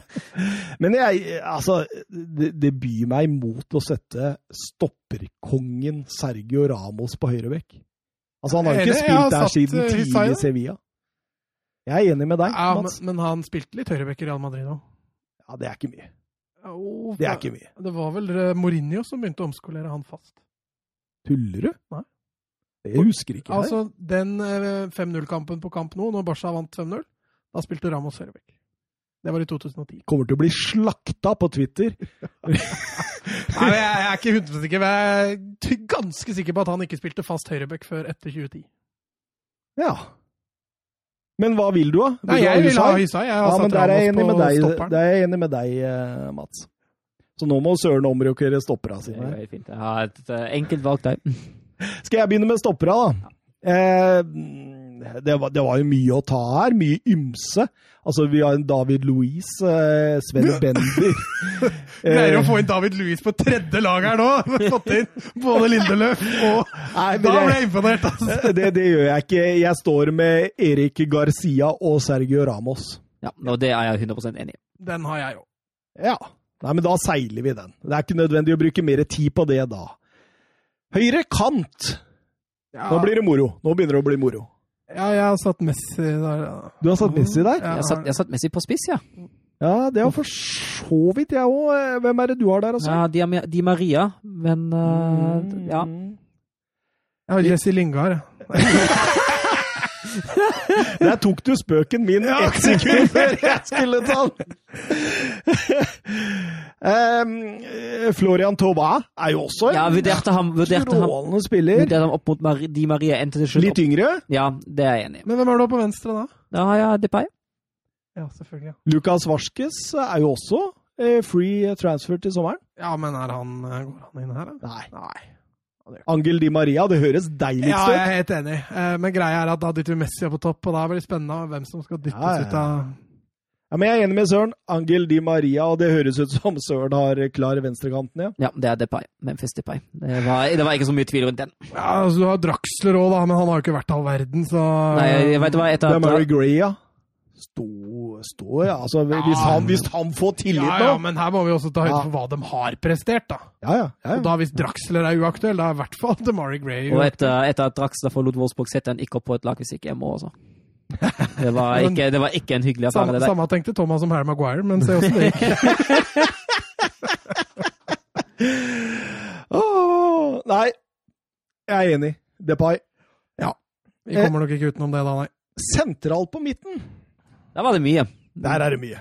Der kan vi også kjøre inn Draxler hvis du Det vil. kan vi hvis vi vil, men vi kan også la være. Du hørte at Søren akkurat sa Ja, men hvis vi er to, vet du Ja, altså, altså, opp Hva er det som skjedde der, Søren? Nei, han, eh, han signerte en fireårskontrakt med Wolfsburg, og etter et år ga han intervju der han sa det beste med hele Wolfsburg er jo, er jo avstanden til Berlin. og det var ikke sånn superpopulært hos Wolfsburg-fansen, og så endte, endte den da eh, var det et halvt år seinere, tror jeg. Ja. Det ble en sorgt, så Skulle være etterfølgeren til Kevin De Bruyne, klarte aldri det, nei. Oi, oi, oi. Men eh, sentralt, da. Uh, jeg ender til slutt opp med Gigi Vanaldum og Hakan Chalanolo. Helt enig. Ikke Luka Modric? Er 35 år, da? Skal Ja, du men du må se på hva han har gjort, da! skal du drafte en 35-åring på laget ditt, altså? Jeg har med Kavani, ja. da. Ricky, Ricky Push. ja. Jo, han også, tenkte jeg. Mm. Men eh, han nådde ikke helt opp. Han er eh, litt i samme båt som uh, Mesut Özil. Sean Mata. Kommer an på hvem som er trener. Hvis Teta er trener, så tror jeg ikke du skal ha inn uh... Henrik Mkhitaryan. ja, Nå nevner du veldig gode fotballspillere. Martin de Ron, 29 år, fra Atalanta. Det må har være en ålreit å, å, å snappe opp han, men uh, Vinaldum og Shanaloglu, det er jo Jeg er helt enig. Og det Shanaloglu viser i AC Milan i år, er jo han er, er han ikke bare 26 år, da? Jo, han er ikke sånn supergammel. Ja, og de to, to siste sesongene tror jeg egentlig du kan dra fram at han har vært strålende. Altså. Da, Mi- Så- så Milan kan kan- miste to ja. gode, viktige spillere. Oi, oi, oi. oi. Zlatan er ikke han siste år òg? Jo, det er det jo. Men han, jeg tror han kan gå på en sånn der, ny sånn der, Hva heter det? Add-on-kontrakt. Sånn der play as you pay og Nei, pay ikke han betaler så mye, da. Angrep, eh, Mats, du kan begynne. Ja, nei, da blir det jo ikke noe valg. Det blir jo Aguero Messi, da. Det er et flott eh, angrep. Ja, det- Hvem er det du hadde hvis du, ikke, hvis du hadde Messi på kant? Altså, jeg er glad i han Marega, han i Porto. Mm. Jeg har fått en stor, sterk spiss. eh, Og så hadde jeg vurdert Kavani, da. Joshua King. Milik? Nei, jeg hadde ikke med. Nei. Men så lenge Messi bryter vekk fra kant, så er det jo Diego Costa er jo også gratis. Ja, langt unna det laget her, altså. Ja. Christian Benteke, to mål i helga. Hvis du sier nei til Diego Costa, så sier du i hvert fall ikke ja til Christian Benteke. Robin Quaison, du som er glad i Bundesliga. Så Ja, hvis du går lenger ned på lista nå, så blir du bare ledd av. ja, ja, ja. Er, er vi enige, Søren? Ja, definitivt. Ja. Og det, det, det blir ganske heftig draft, altså. Eh, Gratisspillere. Da har vi Donna Roma som eh, keeper. Vi har Husay på høyrebekk. Vi har eh, Alaba på venstrebekk. Vi har Erik Garcia og Sergio Ramos eh, stoppere. Angel Di Maria høyre, Memphis Debay venstre, Giri Wijnaldum og Hakan Shanuruglu sentralt i banen, og Aguero og Messi på topp. Det... Gå inn i ja, La Liga, sier det til deg nå. Hvor hadde dette laget endt med en viss dybde i laget, da? Hvis du skjønner hva jeg mener. Altså, altså denne førsteelveren. Mm. Eh, altså, da tar du Messi ut av Barcelona, du tar Ramos ut av Real Madrid. Må jo gjøre det. Ja, Må jo gjøre det. Jeg tror, jeg tror jaggu de hadde havna ganske høyt oppe, Så het, kanskje til og med helt øverst. Eh, litt samspill må det kanskje til. Spørs om disse går rett inn og Men det er artig lag. Det er artig lag, utvilsomt. Eh, Vi fikk et annet lag vi også skulle eh, sette opp på, og det kom fra mm, Mats Tamino82, en eh, nydelig kar i fotballuka, som, eh, som spør oss eh, om vi kan sette opp vår all time beste elver med straffedømte spillere. Den må vi jo ta! Ja, det er jo en veldig artig oppgave, siden du ikke fikk litt bedre tid til å preppe det. Skulle skulle gjerne gått mer i dybden på den der, for der tror jeg du finner mye artig. Men jeg og Søren, vi har nok av folk vi til å sette opp en elver, altså. Ja, jeg skjønte dere hadde gått litt i dybden, så det skal bli veldig gøy å høre på. Det Eneste jeg kom fram til, var keeperen. ja, hvem er det? Ja, Bruno Fernandes. Ja, Han som uh, Manchester United. uh, Ja, akkurat han. Nei, det er ikke han. Uh, Han som parterte kona si, holdt jeg på å si, og gravde han ned og kidnappa og alt som var. Ja, den er jeg jo helt enig i. det er jo en soloklar første Det er en tung historie. Ja. Ja, den er, er jeg tror kona var gravid òg, jeg. Eller kjæresten, tror jeg. Var, var ikke ekskjæresten hans? Jo, Ja, men det er, jo, det er jo drøyt. Fikk altså i 2010 et mord på kjæresten. Eh, var Flamengo-keeper da, og, og det, ryktene tilsier at han var høyaktuell og i forhandlinger med AC Milan når dette skjedde. Altså, er det jo, altså det, det som var kanskje det verste, er at vi har jo en her senere i dag som uh, toppa og tidobla dette her. Så Ja, et par kanskje Ja. også, eh, men eh, Hadde vi noen utfordrere? Nei, er ikke Skorpionkeeperen Higuita, han eh, Han blei vel, altså eh, Hva var det der greiene der? For det er Pablo Escobar og noe kidnapping, og han henta noe løsepenger i forhold til denne kidnappinga og ble tatt. Er det ikke noe sånt, Søren? Jo, noe, et eller annet, et eller annet narkotika, narkotikarelatert var det, men eh, i forhold til Fernandes var det rene småtteri, altså. Og så har du også eh, gamle Liverpool-akademispiller og eh, Tranmere-keeper etter hvert. Eh, Kinsella, Michael, Michael Kinsella. Han fikk seks år for eh, dopsmuggel og handel.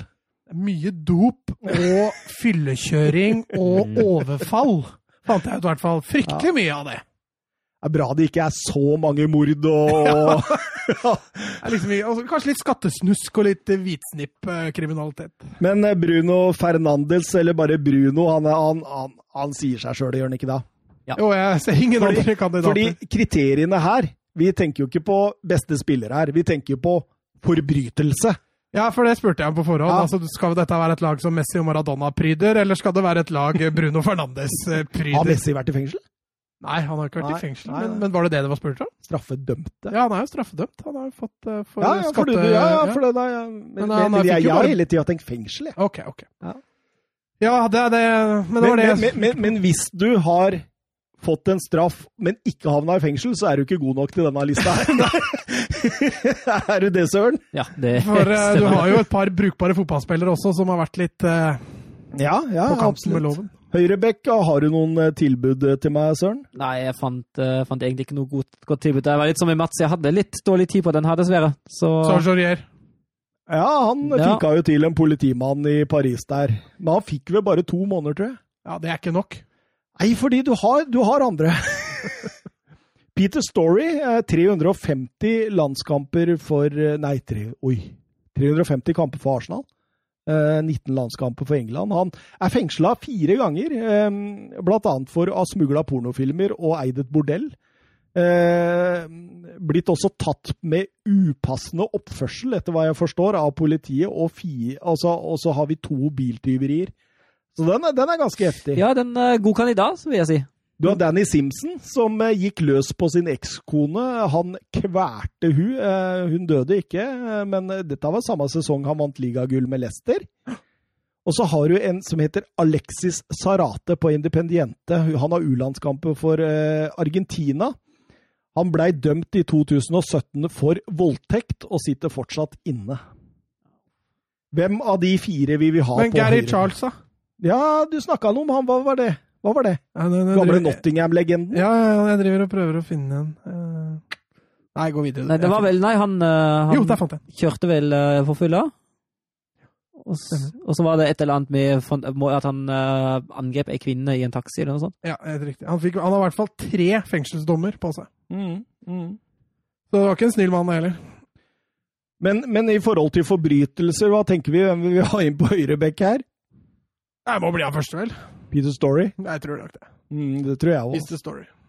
Han uh, høres ut som en uh, svært ekkel kar. Eh, så vi, vi ringer den, gjør vi ikke det, Søren? Ja, vi gjør det. Eh, Venstrebekka, noen til, tilbud til meg her? Ingen? Ingen? Helt stille? Jeg er be- bedre på litt lenger fram i banen. Ja, det er litt vanskelig, den venstrebekken der. Du har Gary Croft, gammel Blackburn-legende Blackburn-legende der, som, som Altså, jeg veit ikke helt hva han gjorde, men han er den første spilleren som spilte en profesjonell fotballkamp med fotlenke satt på av politiet. Ja.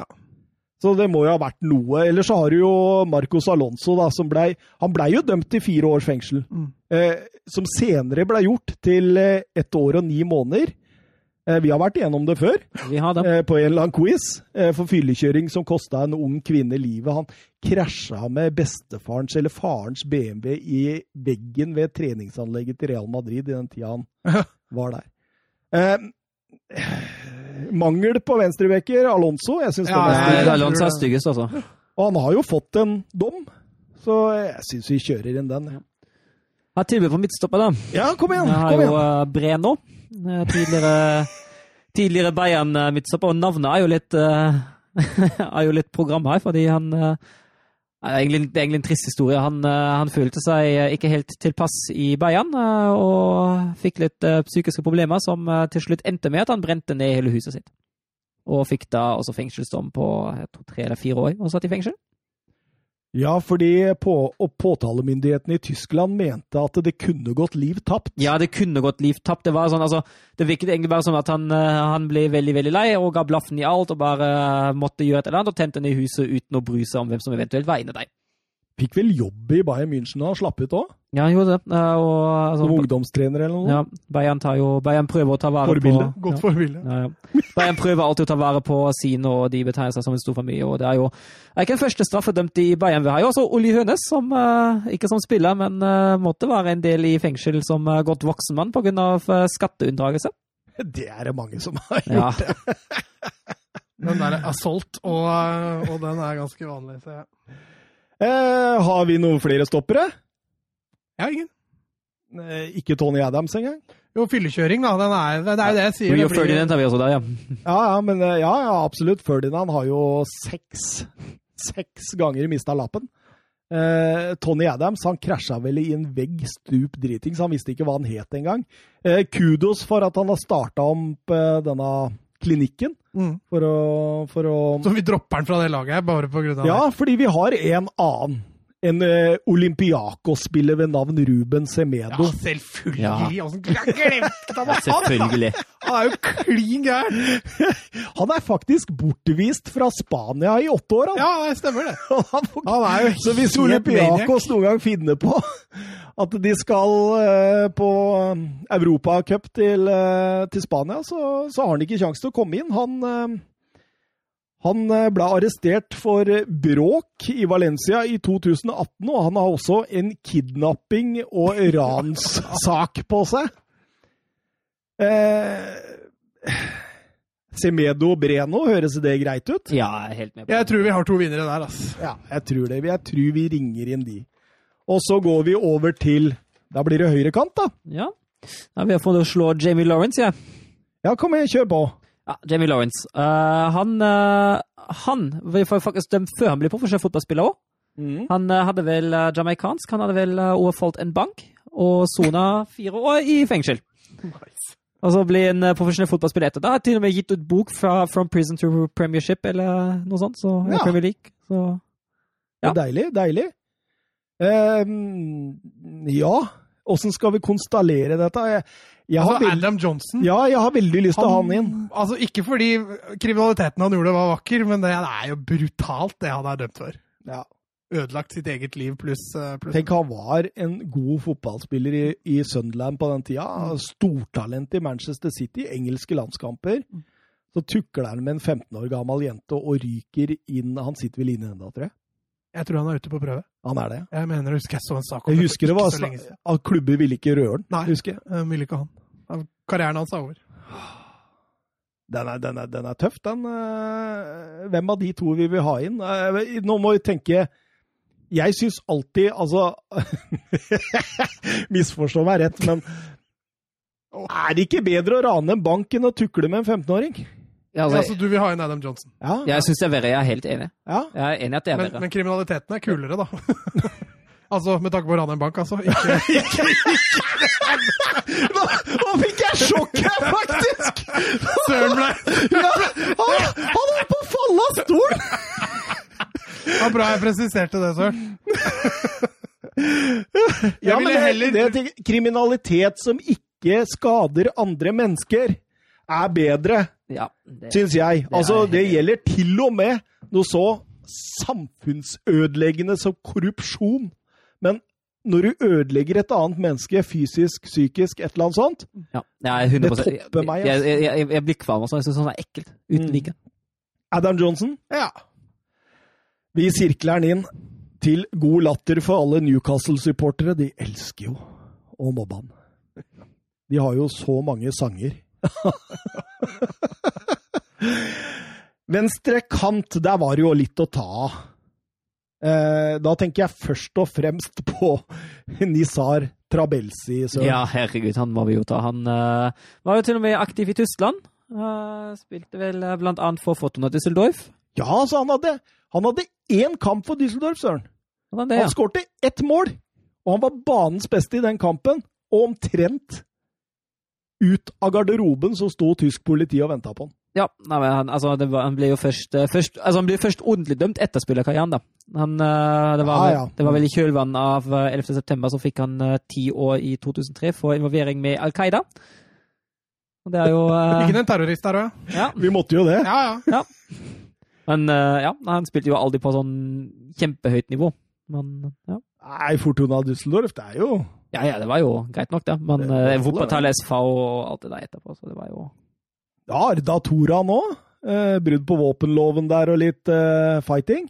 Ja, han, blei- han var jo ikke helt god i Spania heller, men når han kom tilbake igjen til Tyrkia, da tok det jo helt av, den eh, karrieren der, altså. Å, faen meg. Nei, eh, vi, Er det noen som slår en terrorist, altså? Nei. Vi får vel ikke til det likevel? vi kjører terrorist. Vi har en nå som slår en terrorist. Ja, fordi nå skal vi til sentrale midtbanespillere, og da, Søren, da er ordet ditt. Ja, Da har jeg en helt klar kaptein for det hele det laget. Da snakker jeg om Alexandre Villaplan. Og han eh, Han har nok ikke mange hørt om, men han var prominent. Han var den franske landslagskapteinen i VM i 1930. Eh, og han uh, spilte faktisk på klubber som var nære ved å vinne en tittel uh, i mange år. Han lyktes aldri. Var ofte én kamp unna. Eh, han, I starten av 30-tallet fikk han da sparken i en klubb fordi han var mistenkt for å være involvert i bestikkelser.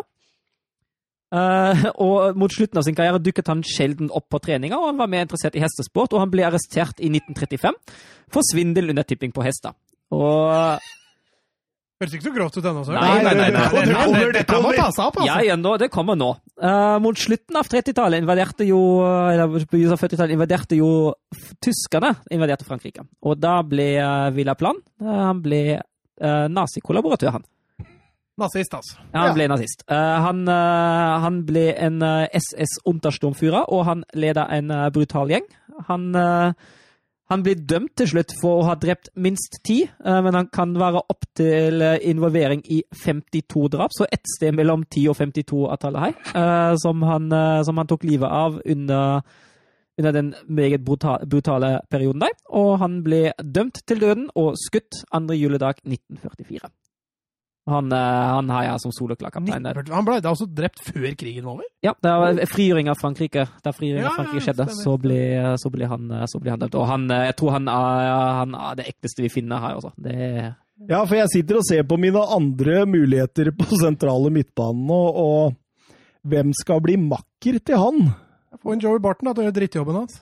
Joey Barton er jo mulighet. Han Mm. har jo hatt en voldelig oppførsel, og han kjørte vel også ned en fotgjenger. Jeg tror det var med Ja. ja. Og så kalte han Tiago Silva for Shemale. Ja. men det er jo knapt nok noe straffbart. Eller det kan være det i dag, som hot crime. Jeg veit ikke. Utrolig humor. Vet ikke. Vet. ikke. Stig Tøftinga, han ga jo han, ga jo han der eh, restauranteieren i, i København eh, det skikkelig altså Det var ikke Mandalsnuss, tror jeg.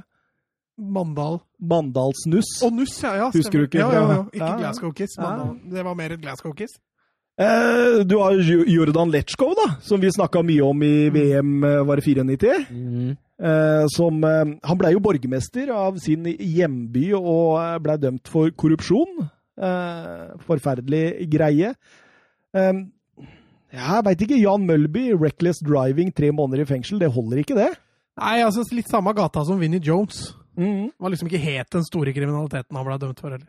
Så er det, er det noen av dere som har hørt om Ronny Woolwork? Nei. Nei, han eh, United-akademiet kom opp sammen med Scholes og Beckham og Ja, ja, ja, jeg husker han fra Manager. Ja, ja, Ja, ja. stemmer. Han, eh, Det var riktignok etter han la opp, så ble han dømt til tre års fengsel for å, å stjele luksusbiler og, og selge dem i deler.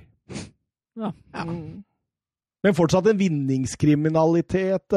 Eh, stort sett vinning her, og, og litt sånn altså, Du har den Glasgow-kissen til eh, Stig Tøfting, men, men to år, Jordan Letchkov Ålreit å få inn litt eh, litt eh, Litt snusk, litt økonomisk Ja. økonomisk Ja, altså, jeg, snusk. jeg føler jo at uh, Villa Plan han har jo nok brutalitet for hele det laget der. Altså. Det, Ja, Å få inn da en skalla mann på sida der, den, den er fin, den. Ja, fin, ja. Vi kjører den. Vi kjører den. Vi må bli ferdige her. Da begynner vi å bruke lang, lang, lang lang, lang, lang tid. Angrep, der var det nok å ta altså? ja, jeg landa på en av de plassene på Gavin Grant, i hvert fall. Uh, tidligere Millwall, og dømt til drap for livstid. Og var vel et annet drap han også ble dømt for, som det viste han ikke hadde begått likevel. Hva kalte du den? Uh, Gavin Grant, var det vel? Gavin Grant, ja. Ja. Hva er det han hadde gjort, sa du? Ja, drept noen. eh, Sitter inne på livstid, men han får komme vel ut etter 25 år. Det var det siste jeg leste. Millwall, altså. Nå har det bua på den der uh, Ja. Ja, den er Black Lives Matter her òg. Ja. Og med de supporterne og den historien. Er ikke den Millwall-supporterne med i den filmen? Ikke Football Factory, men uh, Hooligans, ja. Hooligans, ja. ja. Ja, det er Millwall og Westham, er det? ja. Stemmer det. er Millwall er jo en av de største firmsa i England. Ja. Eh, forferdelig historie, forresten. Men eh, jo, så lenge han har drept noen, så er han med på min liste, søren. Men jeg, jeg har veldig lyst Altså, jeg syns jo George Best han er jo fin. Han har bare en fyllekjøring og ikke etterkommer politiets pålegg, men han er så deilig. Og noen av de sitatene han har eh, kommet med, det er verdensklasse, Mats. Ok, få høre, da. Eh, Jeg har brukt mye penger på fyll, damer og biler. Resten rota jeg bort. Det er fin. Det er fint. Eh, I 1969 kuttet jeg ut kvinner og alkohol. Det var de verste 20 minuttene i mitt liv. og så kommer den som jeg flira mest av når jeg leste, da. Det var eh, Jeg har brukt å misse mye. Miss Canada, Miss Storbritannia, Miss World.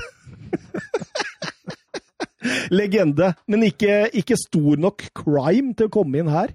Nei, eh, Marlon King, da. Ja, hva er det han har gjort, da? Ja, han har gjort ganske mye forskjellig. I tillegg da til å, å, å eh, rett og slett være tyv, så har han også eh, angrepet folk. Seksuell trakassering, eh, stjålet biler. Han har gjort ganske mye forskjellig. Sittet sittet totalt i fengsel i, i over Jeg må regne litt her, for han har vært innom fengsel ganske mange ganger. Men han har vel nesten fire år i fengsel totalt. Datter dytter ikke bort han altså. Nei, men grunnen til at jeg, jeg vil ha Robinho. Ja, jeg er helt enig. Ja. Ja. Eh, Dømt Skal i vi ha Adam 2017. Johnson, så må vi i hvert fall ha han. Ja. Gjengvoldtekt av en 18 år gammel jente på diskotek fra AC Milan-tida. Det har også kommet fram eh, i kjølvannet av dette at han også skal ha voldtatt en jente på en nattklubb i Leeds i 2009 med den eh, Manchester City-karriera si. Eh, forferdelig type. Så Gavin Grant og Robinho som spiser, det høres jo eh, makabert ut. Jeg glemte det er Bobakar Sarri, da, men han, det teller kanskje ikke. Er det litt kjipt å rippe opp i det nå? Ja, spør Solskjær. Eller Solbakken? Altså Da blir, okay. da blir laget vårt eh, som følger eh, Bruno i mål. Eh, Peter Story høyrebekk, eh, Marcos Alonso venstrebekk, Ruben Semedo og Breno stoppere. Vi har Adam Johnson høyre kant, vi har Nisar Trabelsi venstre kant, vi har Jordan Lechkov og André Alexandre Villaplané, er det det han heter? Søren? Villa Plan eller Villaplané, er usikker på uttalelsen der. Altså. Ja, og Gavin Grant og Robinho på topp. Ja. Det er et fryktelig lag. det er slitsomt. Oi, oi, jeg tror vi har slått verdensrekord i sending i dag. OK. Ja, vi- vi er fortsatt vi er ikke ferdige, da. Nei, nei, for vi må kjøre Ukas talent. Har dere den klar, eller? Jeg, jeg lurer på om, jeg ha, om vi har hatt den før, skjønner du, så dere får arrestere meg. Oi. jeg ble plutselig veldig Oi. usikker. Ja. Da skal du virkelig ha trua på den, altså, hvis du Ja, men jeg har det. Jeg har sett den jeg så den litt i fjor, jeg har sett den mye i år. Det er Luca Romero. Nei. Nei. Tror ikke det. Jeg har ikke hatt den før. Nei, jeg tror ikke det. Det er en argentiner med spansk pass som spiller for Mallorca. Eh, spiller sentral midtbane. Debuterte i La Liga i fjor, i nedrykkssesongen til, til Mallorca. Eh, teknisk midtbanespiller, lav, lavt tyngdepunkt eh, og litt offensiv sentral midtbanespillertype. Eh, er som sagt født i 2004, så det gjør at han fortsatt da bare er 16 år. Så langt i år har han spilt fem kamper i Segunda for, eh, for Mallorca og skåra ett mål. Er nok en spiller vi får se i La Liga. Om Mallorca ikke rykker opp i år, så går han fort vekk til en større klubb, en større liga, i løpet av eh, ikke altfor mange år. 39 sekunder. Bra, Mats. Bra. Effektivt. Søren. Ja, har gått til Spania i år. Alejandre Iturbe, født 2.9.2003, Atletico Madrid. Han er keeper. Han har vært keeper i Atleticos akademi siden han var fem år gammel, og han trente med Jan Oblak for første gang da han var 14. Han spiller for Atleticos U19, og han spiller for Spanias U17. Og han forventes å bli den neste uh, akademikeeperen etter De Rea, som nå setter sine spor i fotballverdenen, altså fra, fra Atletico. da. Uh, Real, Barca og europeiske toppklubber skal være interesserte, men Iturbe har kontrakt fram til 2024 og en klausul på 36 millioner euro. Men uh, nå er jo også en situasjon at Oblak er bare 28 år gammel, så vi får se uh, hva som skjer videre der. Og Torbø han er en moderne keeper. Han deltar i oppbyggingsspillet, han er god med ballen på foten, og så har han i tillegg også skikkelig gode reflekser, så det høres veldig lovende ut, det her. Deilig. 52 sekunder, Søren. Nå, nå er det min tur. Og nå skal jeg eh, Nå skal jeg dra opp en Tottenham-spiller. Og da skjønner dere kanskje hvem det er? Ah, ah, si fornavnet Nei, si etternavnet. Nei. Scarlett? Ja, det er han Dune? Nei. Dane? Dane, ja! Dane Verste av alt Scarlett. at jeg holdt på å ta han nå i dag. Klar, ferdig, gå! Dane Scarlett, født 24. mars 2004 i London. Klubb Tottenham. Han har vært der siden han var seks år gammel. Posisjon angriper. Eh, blei tidenes yngste Tottenham-spiller når han eh, kom inn mot Ludo Goretz eh, 26.11. Eh, denne sesongen. Tok da rekorden fra Bostock, som du husker, Mats. Legende, det. Eh, Dane Scarlett hadde også en preseason med A-laget, og han har bøtta inn mål på U18-laget til Tottenham. Har foreløpig kun to U15-landskamper og én U16-landskamp for England, men har tre mål på de tre kampene. Først og fremst en målskårer. Fin nærteknikk, hurtighet, balanse. Kan både møte og gå i rom. Har noen avslutningsegenskaper man sjelden har sett maken til. Og blir sinnssyk på FM for de som spiller det. Ja, jeg er ferdig. jeg. 55 sekunder. Det holder i massevis, Mats. ja. Dane Scarlett. Goody good. Ja, ja. Så hun, eller mot Ludo? Nei, det gjorde jeg ikke. Han kunne skåret to. Men det blei jo noen skriverier på diverse Twitter-kontoer etter at han debuterte, så Ja, jeg måtte ha han nå. Måtte ta han nå, jeg, hadde den i, jeg hadde hatt den i, i sekken lenge. Og så føler jeg det er så dårlig gjort hvis jeg begynner å ta Tottenham-talenter. Nei da, det, det er ikke Jo, det er litt dårlig gjort, for det overlater jeg til deg. Samme som, men det er ikke noe problem med Wolfsburg. Det fins jo ikke Wolfsburg-talenter. talent i Nei, akkurat nå er det litt, uh, litt mørkt. Han tok seg ikke der, han heller, og var helt enig. Nei, men det, altså, det er ikke noe der sånn der. Altså. Jeg har sett en eller annen jeg har gått gjennom. Jeg husker ikke hvem det var. Var ikke han uh, Ulysses Janes? Nei. Nei. Det var en annen som det sto om. Jeg tror han var 14 år eller noe. Ja, nettopp. Det var. Så det blir for lang tid å vente på fasit. Skal vi kalle det en dag? Jeg Ja. det. Det var hyggelig for alle med, og om alle hang med helt til siste slutt. Det blei rekordsending, eh, tror jeg. Nei, jeg tror vi har hatt en lenger. Hadde du ikke den der første episoden ja, som varte i sju, timer eller tre timer og 19 minutter, eller et eller annet sånt voldsomt. Men jeg tror vi har levd to timer og 38 minutter med kvalitet. Yes! Ja! Såpass må vi stole på det vi leverer, Søren. Det gjør vi. Skal vi si ha det? Ha det! Adjø.